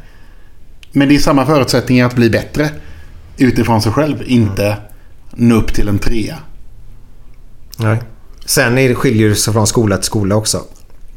Ja, Gör det vad man får för... jag, jag tog det som ett exempel hur man kan se på det. Att det. Det är en jätteviktig skillnad tycker jag. Vad, vad är samma sak? Jag bara, jag, jag bara tänker där, för jag är lite tyst nu. Ja. Jag, bara- jag bara tänker... Ja, men jag tycker det är intressant det du säger, för jag håller med dig. Man ska ju få det man behöver hjälp med, helt enkelt. Eh, Men jag vill att det ska vara likadant i alla skolor. Är du med mig lite grann? Att den hjälpen ska finnas i alla skolor. Ja, för de barnen som behöver hjälp Ja, med det. exakt. Ja, men det håller jag med om. Det håller jag med om. är, men, är det så idag? Nej, vi har jättestor skillnad på våra skolor. Men det är också en grej vi har lyckats få igenom nu då, trots att vi inte styr i Göteborg. Utan trots att de andra styr så har vi lyckats få igenom att skolansvaret som ligger nu på varje stadsdel nu flyttas ihop till en central grundskolenämnd. Så samma politiker är ansvariga för alla skolor i Göteborg. Och att det inte är uppdelat på stadsdelarna. Ja, okej. Och det tror jag är en jätteviktig skillnad. Eller hur Glenn? Ja, Jag har bara, bara läst om eh, lärarbrist och sånt där. Är det, är det kris med det? Ja, det, våra resultat ligger dåligt och lärarna kämpar och sliter. Och då blir det ju så att det är svårt att få lärare att vilja gå till vissa skolor. Så är det ju. Ja. Glenn, det här ger mig ångest. Ger det dig ångest? Ja, oh.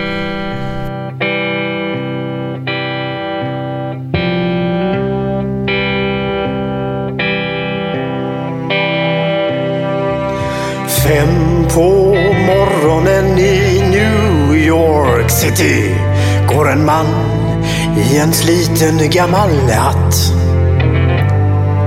Sveper rocken kring den tunna kroppen. Huttrar till, det har varit kallt i natt. Ser en strumpa sticker ut ifrån hans sko. Vandrar vidare men utan framtidstro. Fem på morgonen i Hallonbergen står en kvinna med gråten i sin hals. Tittar håglöst in i morgonsolen. Hon är trött, hon har inte sovit alls. Två av fem miljarder människor på vårt klot. Men mot deras ångest finns det ingen bot. För de är ledsna för att de inte är från Göteborg. De kan inte se hur Gustav Adolf pekar på sitt torg. Det är inget fel på att vara etiop. Men inte riktigt rätt ändå, det vet de allihop.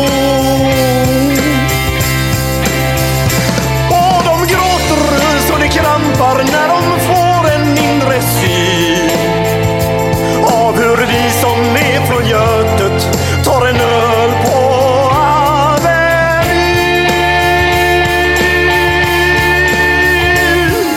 En fotbollskille får sitt genombrott och snackar proffskontakt med fem italienska klubbar. Ändå känner han att tåget har gått. En annan gubbe med en ollontusing och en latextjuva skriker ta mig ur röven gubbar. Men det ger honom inte nåt. Samma tomma blick och tårar salta smak. Om man frågar säger båda samma sak.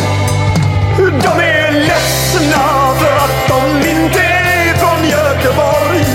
De kan inte se polisen dunka buss på torg. Det är inget fel på att vara från Mölndalsbro. Men 14 stopp med fyran svider mer än man kan tro.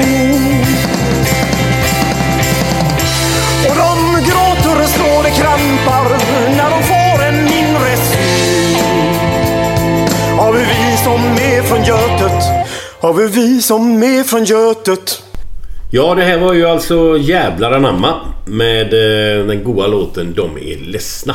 Mm, och det är vi inte här idag. Nej, inte alls. Utan, Tvärtom. Det är eh, med högt i tak här. Jag har hört David, Vad kollega. Jag har hört att... Eh, jag ska säga så här bara. Eh, Sydney och skriver med tungan. Ja, det är inte ofta jag kommer av mig, men det gjorde jag då. Det gjorde jag. Vadå? Ja, men då satt vi, det var ju på, alltså 2000, det var ju innan mobiler och mail och allting sånt som man hade det där. Utan då gick man ju till internetcaféer hela tiden när man skulle kommunicera och läsa Aftonbladet och kolla vad de skrev om när man var där och tävlade och sådär. Så att vi gick ner till ett internetcafé där och jag kunde inte lyfta ner tangentbordet där inne på internetcafén och köra med tårna. Så att då låg tangentbordet på bordet istället. Så då skriver jag med eh, läpparna och tungan istället. Och det går ganska smidigt. Alltså det går ju fort. Det enda som inte funkar är ju skift 7. Det är ju en bra bit liksom. Men, men annars funkar det ganska bra. Men, och jag satt där och skrev för fullt och skickade hem mejl. Och hon som jobbade där, hon bara gick förbi och tittade hela tiden på mig. Snygg var hon. Och till sist kom hon fram bara och så sa hon You must be very popular with girls. sa hon. Så, då, då kom jag av mig kände jag. Men, hade varit lite snabbare där. Men eh, det var jag inte. Nej, du tappade helt. Jag tappade. Ja. Ja, ja. Såg man vad hennes tankar var? Så är det. Glenn, jag har hört en grej till faktiskt. Eh, Vi kan lika väl ta det. Eh, Kör på. Du har inte sprungit Göteborgsvarvet men du har åkt heter det då eller? Eller vad säger man? Jo, jag säger nog allt möjligt. Jag säger nog sprungit ändå. Sprungit Göteborgsvarvet? Ja, jo. ja. Det, det var långt. Men det hände något på Avenyn där? Ja, men det var ju korkat nyårslöfte när jag glömde att jag var handikappad. Så, så var det ju. Så att det var ju bara att springa sen när man hade bestämt sig. Vadå? Berätta nu från början. Vadå Ja, men det var nyårs- verkligen det. Vadå? Fem på morgonen, nyårsafton. Jag springer om du springer. Jag och min kompis. Och så bestämde vi oss för att springa. Sen kom vi på en halvtimme senare att jag inte kunde gå. Så att, men men det, var ju bara att köra. Så att, eh, Var det så mycket sprit som inte visste? Och fan, är jag handikappad? det krävs ju inte så mycket för mig. Det, det är ju så enkelt. Det, det är en sniff på ett Jag tål ju ingenting. Liksom. Men vi sprang i alla fall och det, det gick ju bra. Förutom eh, upp för Älvsborgsbron tog en stund. Men, ja, men så kom vi till Avenyn då, Götaplatsen ner. Och det är ju nerför en kilometer. Och det är, då är man ju lite kaxigare. Så att det var bara att lyfta upp fötterna och zigzacka mellan folk. Grym känsla var det. Jag hade ju en cykeldator på rullstolen då. Så att jag var uppe i 32-33 kilometer i timmen nerför där. Det är ju moppe liksom. Ja, ja, ja, okej. mellan folk, alla jublar. Grym känsla. Liksom, kände mig som Anja Persson i störtloppet. Så. Det var vuscha ner. Men när jag kom där nere vid bryggeriet ungefär. Mm. Då råkade jag köra ner framhjulet i ett spårvagnsspår. Oj. Ja, det är mindre bra. Jag bytte ju ut Anja Persson mot Christian Olsson där. Liksom. 16 meter, tre studsar. Jo, men, jo, men stolen tvärde. Stolen tvärde. Jag flyger, studsar tre gånger och stannar på Vasagatan. Men alltså den känslan. Det, det var ju liksom 4000 pers i publiken som går från jubel till knäpptyst på en halv sekund. Det, det lät ju som eh, ÖIS hemmamatch. Nej, det var fast- nej, men... Eh, men eh, jag hörde ju bara... Nej, det var, jag gillar ÖIS. Jag gillar ju handikappidrott. eller Nej, det var inte det. Nej, Men... det, det enda jag hörde det var ju en kille liksom som stod där när det var helt knäppt så jag bara flög ur göteborgare. Han bara så Där dog han, sa han. Så. Men det var ju bara att köra om. Men eh, det tog ju några minuter. Men det, var- det var kul var det. Och hur fan gick det för dig? Slog du dig? Ja, herregud. Jag blödde överallt. Men det, det var bara att köra. Ja, ja, det var inget mer än skrapspår. Nej, det var bara skrapsår. Det är bara så herregud. Jag bryter väl inte ett lopp för det. det Du låter som vi, våran nästa gäst faktiskt. gör det? Ja. Och det, vi har en fråga från honom Okej. till dig. Eh, för du har ju skickat med en fråga till honom. Vi spelar in det här, eh, bara förklara för våra lyssnare Glenn, samma dag här nu då. Ja. Och han kom på morgonen och du kommer nu på eftermiddagen. Och idag är det torsdag den 17. Och Glenn drar imorgon och är borta en månad och ska spela in lite TV. lite. Ja, just det. Så vi har gjort ett avsnitt där i alla fall då. Och du skickade en fråga till honom. Ja. Kommer du ihåg vilken fråga du skickade? Ja, jag frågade vad är skillnaden idag i mental inställning när det gäller elitfotbollsspelare idag kontra när han spelar? Och det är Gjorde jag? Håkan Mild vi pratar Ja, just om det. då. Yes. Jag visste inte att jag fick säga det då. Du var så himla hemlighetsfull. Ja, eh, nej, men jag, ja. jag säger det för han har en fråga till dig då. Ja. Och han svarar på den. Ja. Och det gör han slutet på programmet som vi spelade in i morse då. Eh, men hans fråga är till dig. Vad tycker du vi ska göra med Heden? Mm. Det är en bra fråga. Och han trodde att vi skulle komma lite i clinch. Aha. Ah. Trodde han det? Ja, du och jag ja. Aha, det är möjligt. Och var Glenn. det därför han ställde det? Ja, jag tror det. Vi, vi, vi får se. Vad Ja, men ni tycker du? tillhör väl den generationen som inte vill göra något va? Nej, jag skojar lite. Ja, Glenn. Göra något, men kör du. Ja. ja, men Glenn, Glenn var inne på... jag hade ju lite olika idéer. Boccia vill- ville Glenn. du vill han va? Ja. Nej, men jag, hade lite, jag hade lite olika idéer. Dels tycker jag att där, där parkeringsplatsen är och den, den kortsidan där från hotell Liseberg-Heden och neråt. Ja. Där kan man bygga lite hus. Vi behöver förtäta stan. Det tycker jag. Det tycker jag inte stör. Jag vill ha kvar fotbollen. Jag hade velat bygga, helst av allt, så hade jag ju velat bygga ett, ett eh, hus i två etager med stora fotbollsplaner på taket. Då kan man ha p-platser och gallerior och sånt inne i. Och så om du tänker dig bort mot Engelbrektsgatan till. Där är det två våningar högt. Så bygger man två fotbollsplaner uppe på ett stort hus där. Och sen har man en stor trappa som blir naturlig läktare till två planer till. Och sen ner till cykelbanan.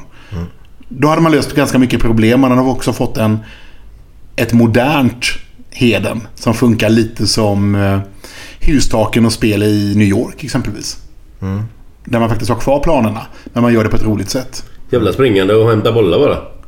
Om den går över nätet. Men du, skjuter du så högt? Ja, ja, man kan få en snedträff då. Ja. Nej, men, Hå- Nej, men- men Håkan den- Mild var inne på samma. Han tänker väl på sin straff 94 tror jag. Ja, ja antagligen. Förlåt Håkan, förlåt. Nej, men- Nej men det så från början är att, att eh, göra, bygga eh, typ lägenhet eller vad det nu är, Ja. hus på parkeringsplatserna. ja. På den sidan. Men jag tycker bara man ska ge fan i planerna bara. Nej, men planerna, alltså, jag tycker vi ska ha kvar Ja, fotbollsmatcher och fotbollsplaner. Gothia Cup är viktigt. jag är ute efter. Men vi måste ha både och. Ja, Tycker jag. Men sedan kan man ju se på hur man kan göra det så att det blir så bra som möjligt då. Därför att det gäller ju att vi använder ytan både för... Alltså, jag tror att man hade tjänat på att det bodde mer folk om man hade mer rörlighet där. Folk stannade och kollade på fotbollen också. Ja, ja, ja. Men jag tänker bara, bara planerna är kvar så det skiter jag i vilket.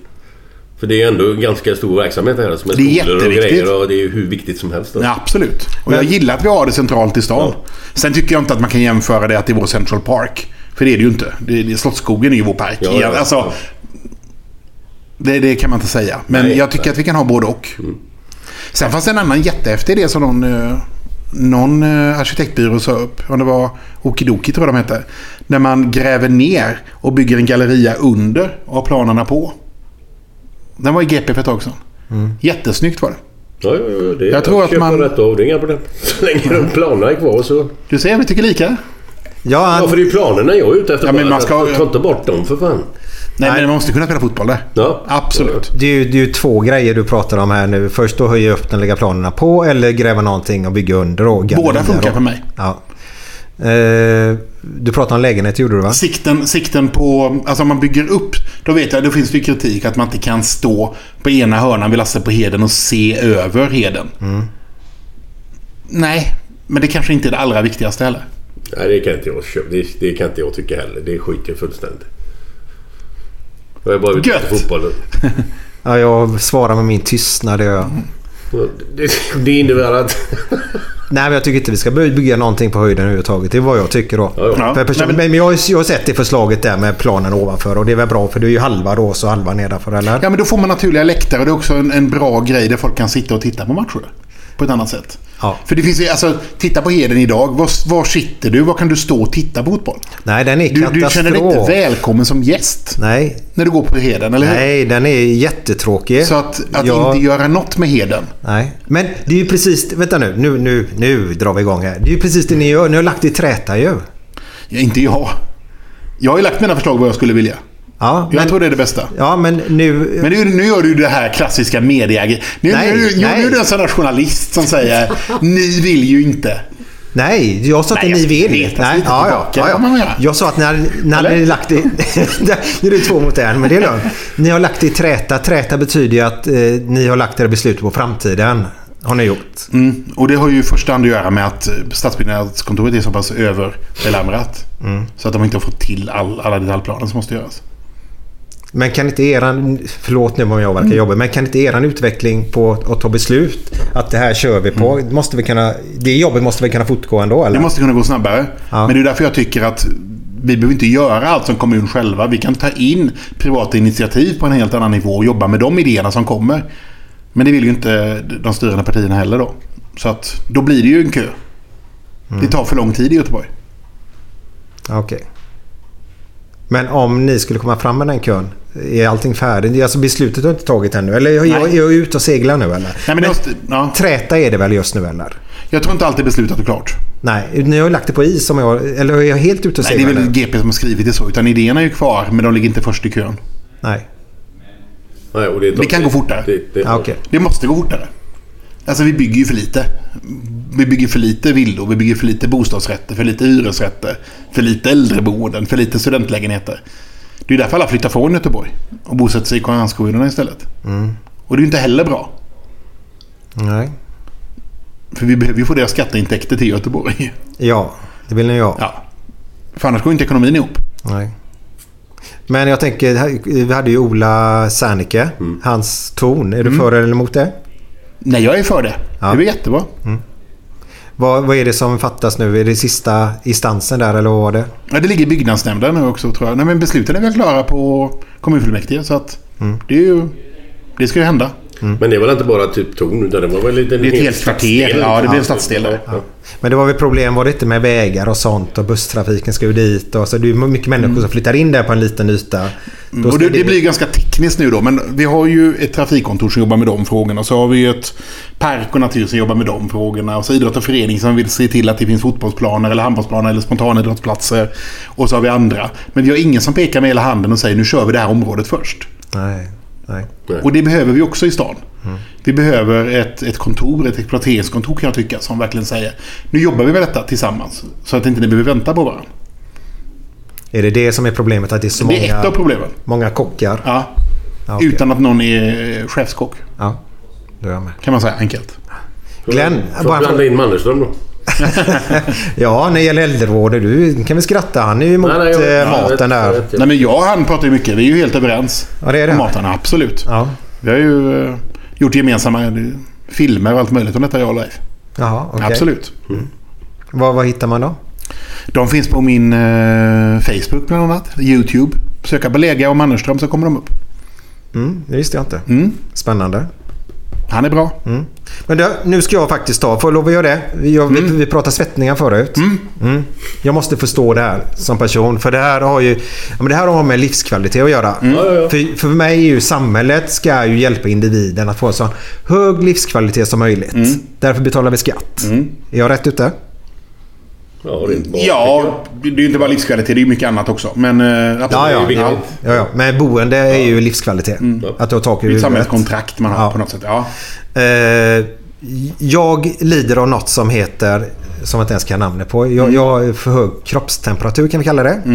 Eh, som styrs av att är det varmt ute så svettas jag mycket. Situationsanpassat eh, är att, eller situationssvettningar kan jag få också. Eh, och, detta. och det eh, minskar min livskvalitet helt enkelt. Eh, idag eh, är det bra. Eh, 91, 92 och 93 där någon gång gjorde jag en operation mot handsvett. Ja. På Sahlgrenska här uppe.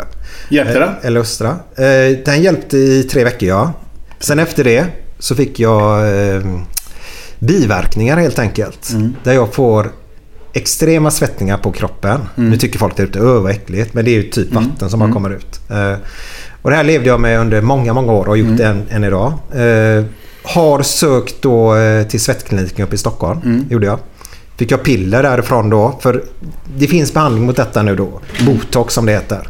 Då åker man till Köpenhamn eller upp till Stockholm och så får man massa sprutor där man har och så dämpar det ner det. Så räcker det mellan 3 till 6 månader tror jag det.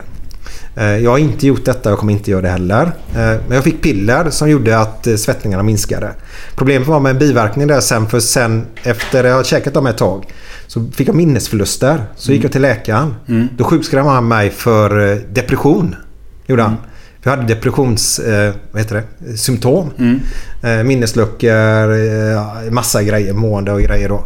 Eh, till slut så kom det fram till att de här tabletterna då som jag käkade gav minnesproblem. Ja. Eh, Så jag har slutat med... Jag har ing- käkar inga tabletter idag överhuvudtaget. Inte ens mot reumatism, ingenting. För att det ger massa bi- biverkningar överhuvudtaget. Det jag ska komma till i alla fall är att... Eh, jag kan idag inte få någon hjälp mot min, mitt problem genom sjukvården. Utan om jag vill ha hjälp mot det så måste jag bekosta det själv. Och då undrar jag varför ingår inte det i, sjukvårdsgrejen? Ingen aning. Nej. Jag jobbar inte med sjukvårdsfrågor. Nej. De ligger på regionen. Jag kan inte svara på hur diskussionen har gått om det. Du svarar lika ärligt som... Ja, du, ja. du frågade, jag säger Ja, alltid ja och nej. Ja. Men det här vet jag inte. Nej. Jag kan inte svara på vad, hur analysen där går. Nej. Jag vet inte. Du får nog komma lite närmare. Vad tror jag. Ja. Nej, det är lugnt. Det är lugnt. Ja, han har en bra, bra Ja, mick. okej. Ja. Nej, jag, jag kan inte svara på varför det är med eller inte. Nej. Jag kan absolut tycka att man ska få hjälp med det som kan hjälpa en att må bättre. Mm. Men hur diskussionerna går runt det, jag har ingen aning. Nej. Det, det måste man fråga någon som sitter i. Jag kan hjälpa dig att få en kontakt med någon av dem. Nej, jag behöver ingen kontakt. Så jag har dig Nej, här nu. en Så fråga, därför ja. jag ställde frågan Ja. bara. Hur det kommer sig att...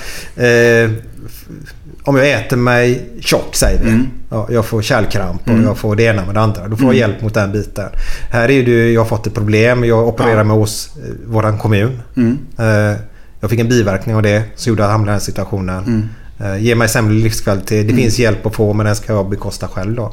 Jag kan inte svara på det. Jag önskar jag kunde. Ja. Men det ligger inte på, På dig mina områden. Nej. Ehm, så jag vet faktiskt inte. Jag är ute efter det här med lika... Vilken sjukdom än du har så tycker Ja. jag att man ska få hjälp mot den sjukdomen då. Absolut. Och som jag sa då att jag svarar alltid ja eller nej om jag har en åsikt. Ja, det- Men jag, jag vill inte heller svara utan att veta något om det. Nej. För jag kan inte det. Det tycker jag är fel. Ja men det är bra, då har du varit ärlig. Ja. Gillar vi. Ja. Gillar vi. Jag ska bara förtydliga då. Om du, de, man får hjälp från Försäkringskassan genom att göra mot handsvett och under armhålorna får man. Okej. Men inte resten på kroppen Nej. då. Och jag har inget problem med handsvett eller under armhålorna då. Det låter konstigt, men jag kan inte säga mer Men så är det i alla fall. Ja. Fick du den så skulle den diskussionen uppkomma så ska du jobba för att alla ska få hjälp mot sina symptomer. Kan vi säga så? Nu pekar Micke på David här. Väldigt eh, aggressivt. Nej, vet. inte aggressivt. Var det det? Nej, det var inte aggressivt. Nej. Nej, det var inte aggressivt. Jag ville bara Bara lite. Nej, jag skojar bara. Nej men det är ju står om sådana här vissa människor som fått ett nytt liv efter detta. För den som hände 91, 92, 93 någon gång.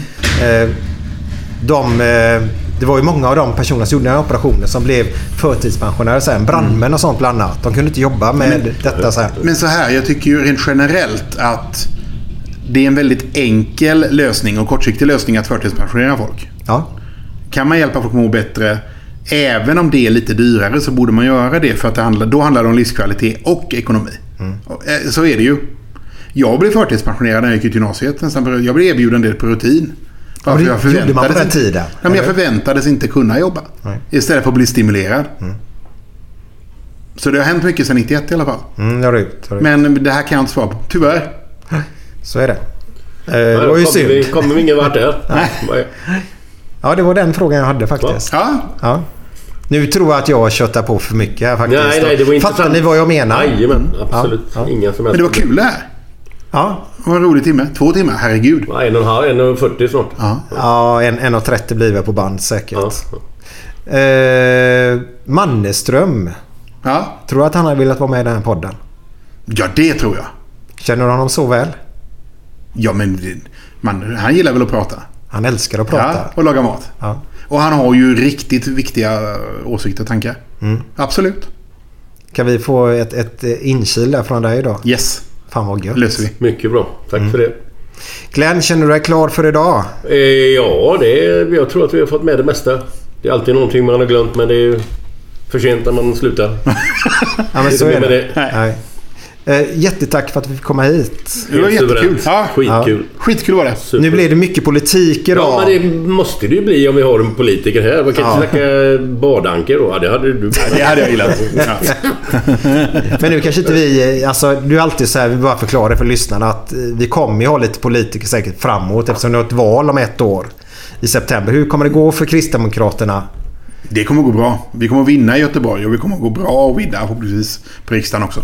Ja, ni, Men det är här jag är ansvarig så det är det här jag verkligen satsar på. ja. Jag tänker på era kvinna som ni har, partiledare. Mm, Ebba? Ebba ja, som sjunger fantastiskt bra. Ja, det också. Eh, tvåbarnsmamma nu eller vad är hon med? Ja. Ja. Och eh, har en man då som spelade Sirius. Mm. Ingen är ju perfekt. Eller vad säger man? Nej men eh, vad är det som gör att ni har legat sådana låga siffror i slutet?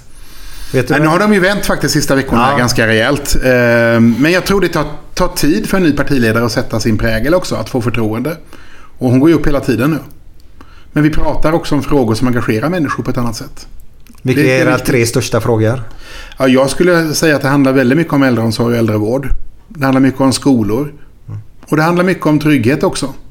Trygghet och säkerhet. Men, men trygghet kan man ju se på på olika sätt, eller hur? Alltså trygghet kan ju vara mer poliser. Absolut, det är väl en sak. Men det handlar ju också om att få folk att få känna sig viktiga och meningsfulla. Och det gör vi via föreningslivet. Det gör vi genom fotbollsklubbar. Att man, man får en klubb att spela i och känna att man är med i ett lag och så vidare. Man får en möjlighet att plugga eller skaffa sig ett jobb och en bra stans att bo. Det är så vi löser de problemen på lång sikt skulle jag säga. Så att eh, det hänger ihop.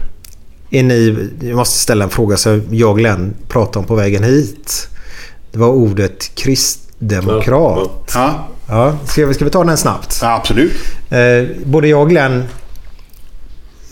Ja, man, man, man säger det ordet då, då tror man ju att det är för kristna det här partiet. Ja. Ja. Det tror man. Jag är inte ens medlem i Svenska kyrkan. Nej, För mig handlar det om att jag delar värdegrunden, hur vi ser på varandra och på människor. Jag tycker att alla människor kan behöva lite stöd, lite hjälp emellanåt. Man kan också behöva krav ibland, kärlek och beröm. Alla behöver de sakerna. I olika skeden av sitt liv. Men att vi måste våga se att människor är unika. Och det fastnade jag för i kristdemokratin. Utan att ha en kristen bakgrund. Men det är klart att vi har många missförstår det. Så är det ju. Jag har haft folk som kom fram till mig och säger jag skulle så gärna rösta på dig. Men det går inte för jag är inte döpt. Och jag menar, då, då har vi problem med vårt varumärke det kan man säga. Så är det ju. Men det är på väg bort hoppas jag. Men det handlar om det. Hur, hur länge, hur, hur länge Jag har hoppas det. det. Hur länge har det funnits? Det här partiet? 60-talet. 60 I Sverige. Ja, men, från men- början, men- men från det- början var, det krist, var det lite mer religiöst då? Eller, Alltså eller? kristdemokratin startade i Europa efter andra världskriget. När man kände att vi har inte betett oss bra mot människor. Vi behöver etik och värdegrund i politiken. Efter alla de fasansfulla hemskheter som skedde under andra världskriget. Där startade kristdemokratin. För att bygga på ett värdebaserat parti. Där, det är grunden i det. Och det är därför jag är medlem. Okay. Mm. Vart startade i Sverige? Jag, jag får ju så här tankar. Nu måste varit runt Jönköping. 60-talet, men typ. Nej, men- men, men har, har, det- varit... Det startade, men det startade snabbare i länder som i Tyskland, Italien, Spanien, Grekland. Där länder som erkände sin skuld efter andra världskriget. Ja, okej. Sverige erkände aldrig sin skuld efter andra världskriget. Vi sa ju bara vi är ju neutrala. Det har inte gjort något fel. Vi lät bara tyskarna passera. Ja, men precis. Men jag menar, titta på CDU, vår systerparti. Eh, Kristdemokraterna i Tyskland. Det är ju, störst, det är ju Angela Merkel. Säger vi. Ja, ja, men- men- som är störst. Ja. ja. Men jag, är lite dåligt insatt i det här. Men vem, vem har vi haft någon sån här stor ledare för Kristdemokraterna? Alf Svensson säger Alf jag. Svensson. Alf på det? Svensson. Ja, då så. Ja, då hänger jag med. Då, Bra. Ja, då är jag med. Trumpeten ska jag ha sagt. Det var han spelade saxofon var det va? Det var då saxofon va? Ja. Ja. Det var innan jag var medlem. Ja men det måste du väl ha koll på. Nej, fan. Alf Svensson ja. ja, ja. Ja. Herregud. Det var ju en skön lirare Ja, han faktiskt. var en personlighet. Han är fantastisk. Personlighet. Ja. Men Vi har kontakt fortfarande. Okej, ja bra. Eh, David. Ja. Du förespråkar väl, eh, om vi nu ens är inne på Kristdemokraterna då, som, som många har ju haft problem med samkönade äktenskap va? Där du eh, har fått eh, många att förändra sig eller? Eller är helt ute och seglar Många är ju inte mot no, Det finns ju några i alla partier och de har varit ganska högljudda de som var det för några år sedan i vårt parti. Ja. Men vi står absolut för alla människors lika värde och rätten att gifta sig med vem man vill. Mm. Inga konstigheter. Nej. För det är också en stämpel som ni har haft. Ja, men, men så är det ju. Alltså, det är ju bara vi i KD som är intresserade av att sätta en bra bild av KD. Ja just det. Ja. Alla andra partier är ju mer sugna på att sätta en lite sämre bild av KD. I olika nivåer beroende på vilket parti det är. Så är det ju. Ja det stämmer. Det, stämmer. det är ju det som är politikens problem. Ja, helst om man är ett litet parti också då. Ja. Då är det ändå mer som pratar eller försöker sätta en dålig stämpel Ja, men på. så är det ju. Ja. Och det, det är en viktig skillnad. Vad är din största utmaning här i Göteborg nu då? För jag att få att jag- mycket röster. För att få mycket röster. Ah, Jag tycker så här. Bedriver jag det jag tror på så hoppas jag att folk tycker det är bra. Och gör de det så hoppas jag att de röstar på mig. Så jag kan fortsätta göra det. Men, men utmaningen för mig är inte att få mycket röster. Utan det viktigaste för mig är att se till att Göteborg blir en bättre stad för barn och unga att växa upp i. Det har jag satt som mål. Men får du mycket röster så, så, så blir det ju bättre att växa upp i, Ja. tycker ju du då. Ja, Ja, om du förstår mig men rätt så- nu. ja, alltså, så det är det. inget negativt. Men, Nej. ja. Men, men utmaningen är att synas utifrån vad man tycker. Inte att ändra vad man tycker att få mer röster. Det tror jag är fel taktik att gå. Mm. Och det har jag ingen lust att göra heller. Jag gör ju detta för att jag brinner för någonting och vill förändra något. Hjärtat Sen hoppas man att folk köper det. Mm. Gör den det fortsätter man, annars får man göra något annat. Och du hade väl inte orkat sitta här om inte ditt hjärta varit med och, och du hade Nej. trott på det. Det Nej, men går så är det. Man måste ju tro på det och känna att man verkligen vill förändra. Så är det. Det är ju lite ett kall i det, att man vill förändra. Utan att vara ett religiöst kall så är det ett kall i att man vill göra skillnad. Sen har man olika sätt att göra det på. I tio år gjorde jag det som föreläsare. När jag stod på scen och pratade man till man så att säga. Nu försöker jag förändra system. Det är bra. Men jag har väldigt roligt. Mm, det måste man ha på vägen. Ja, så är det. Men det är ju ni med på det här. Ja, ja, för fan. Glenn, Ja. känner du dig nöjd? Jag är helt nöjd. Det är, det är klart man kan sitta mycket. Man kan sitta en timme till men det, det blir lite för sent. Glenn, Glenn ska hem och packa nämligen. Ja, jag ska packa till eh, det här tv-programmet. Lycka till. Tack för det. Tack för det. Sen så är det så här bara ett tips nu då. Eh, på söndag så kommer ett program som David måste älska. Glenn ska vara med. På söndag. Ja. Vänta här nu. Det är Frågelund. Eller Snillen spekulerar. Nej, en serie. Saltön! Ja, för fan! Saltön! Ah. Ja, ja, ja. Ja, den börjar på söndag. ja. Jag är lite besviken för det är augusti. Jag tycker den ska gå på vintern lite grann. Okej. Lite mörkare ute. Ja, jag har en, en liten sån där miniroll där. Alltså i ett avsnitt, 30 sekunder. Ja, men det är väl bra. Det räcker Glenn. kolla? Ja. Ja, missa inte det. Det är inte kvantitet, det är kvalitet. Fantastiskt ögonblick. Filmhistoria. Glenn är görnöjd med den här rollen.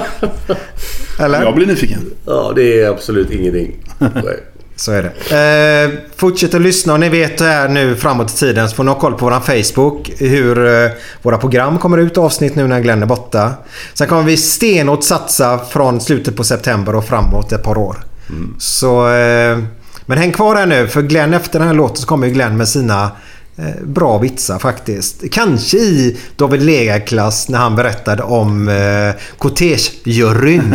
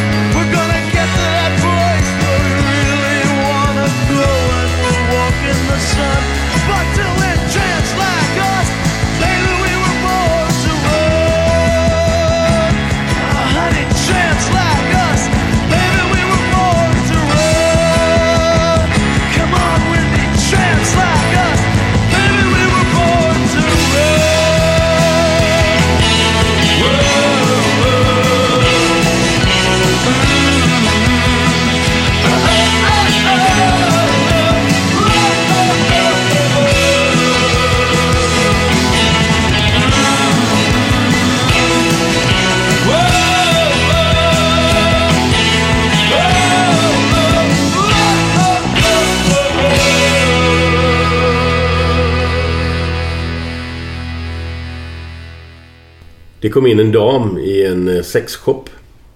Så gick hon och tittade på dildos. Och så eh, hittade hon någon som såg fin ut.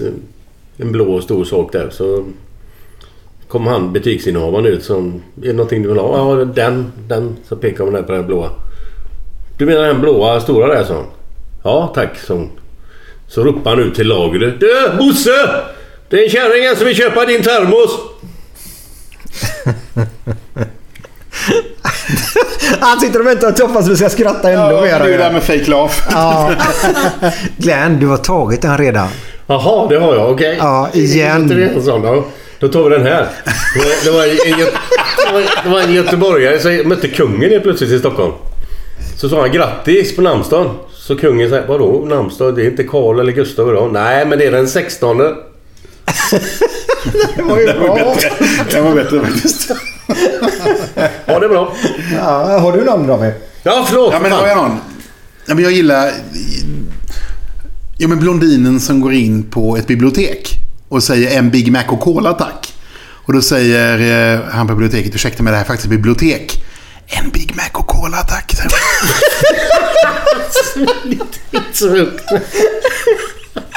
Du var ju också en av blondinerna som skulle Jag tog min var snällare eller? Du Och så- står i kö. Ja, hon går ju fram och läser Ja, på ja, dörren. ja, ja, ja. ja. Den är ju gammal också. nej, men det, var, nej, men det var ju de... Det stod... Eh, eh, 17 blondiner. I en krogkö. Och så började hon närma sig dörren. Så gick den ena fram och tittade på en lapp på rutan. Så vänder hon sig om till de andra och säger Sorry tjejer, vi kommer inte in. Man måste vara 18. Jag tycker den är bra. Hej då, hej då, hej då. Even on a budget, quality is non-negotiable. That's why Quince is the place to score high-end essentials at 50 to 80% less than similar brands. Get your hands on buttery soft cashmere sweaters from just 60 bucks, Italian leather jackets, and so much more. And the best part about Quince, they exclusively partner with factories committed to safe, ethical, and responsible manufacturing. Elevate your style without the elevated price tag with Quince. Go to quince.com slash upgrade for free shipping and 365-day returns. Ever catch yourself eating the same flavorless dinner three days in a row? Dreaming of something better? Well, HelloFresh is your guilt-free dream come true, baby. It's me, Kiki Palmer.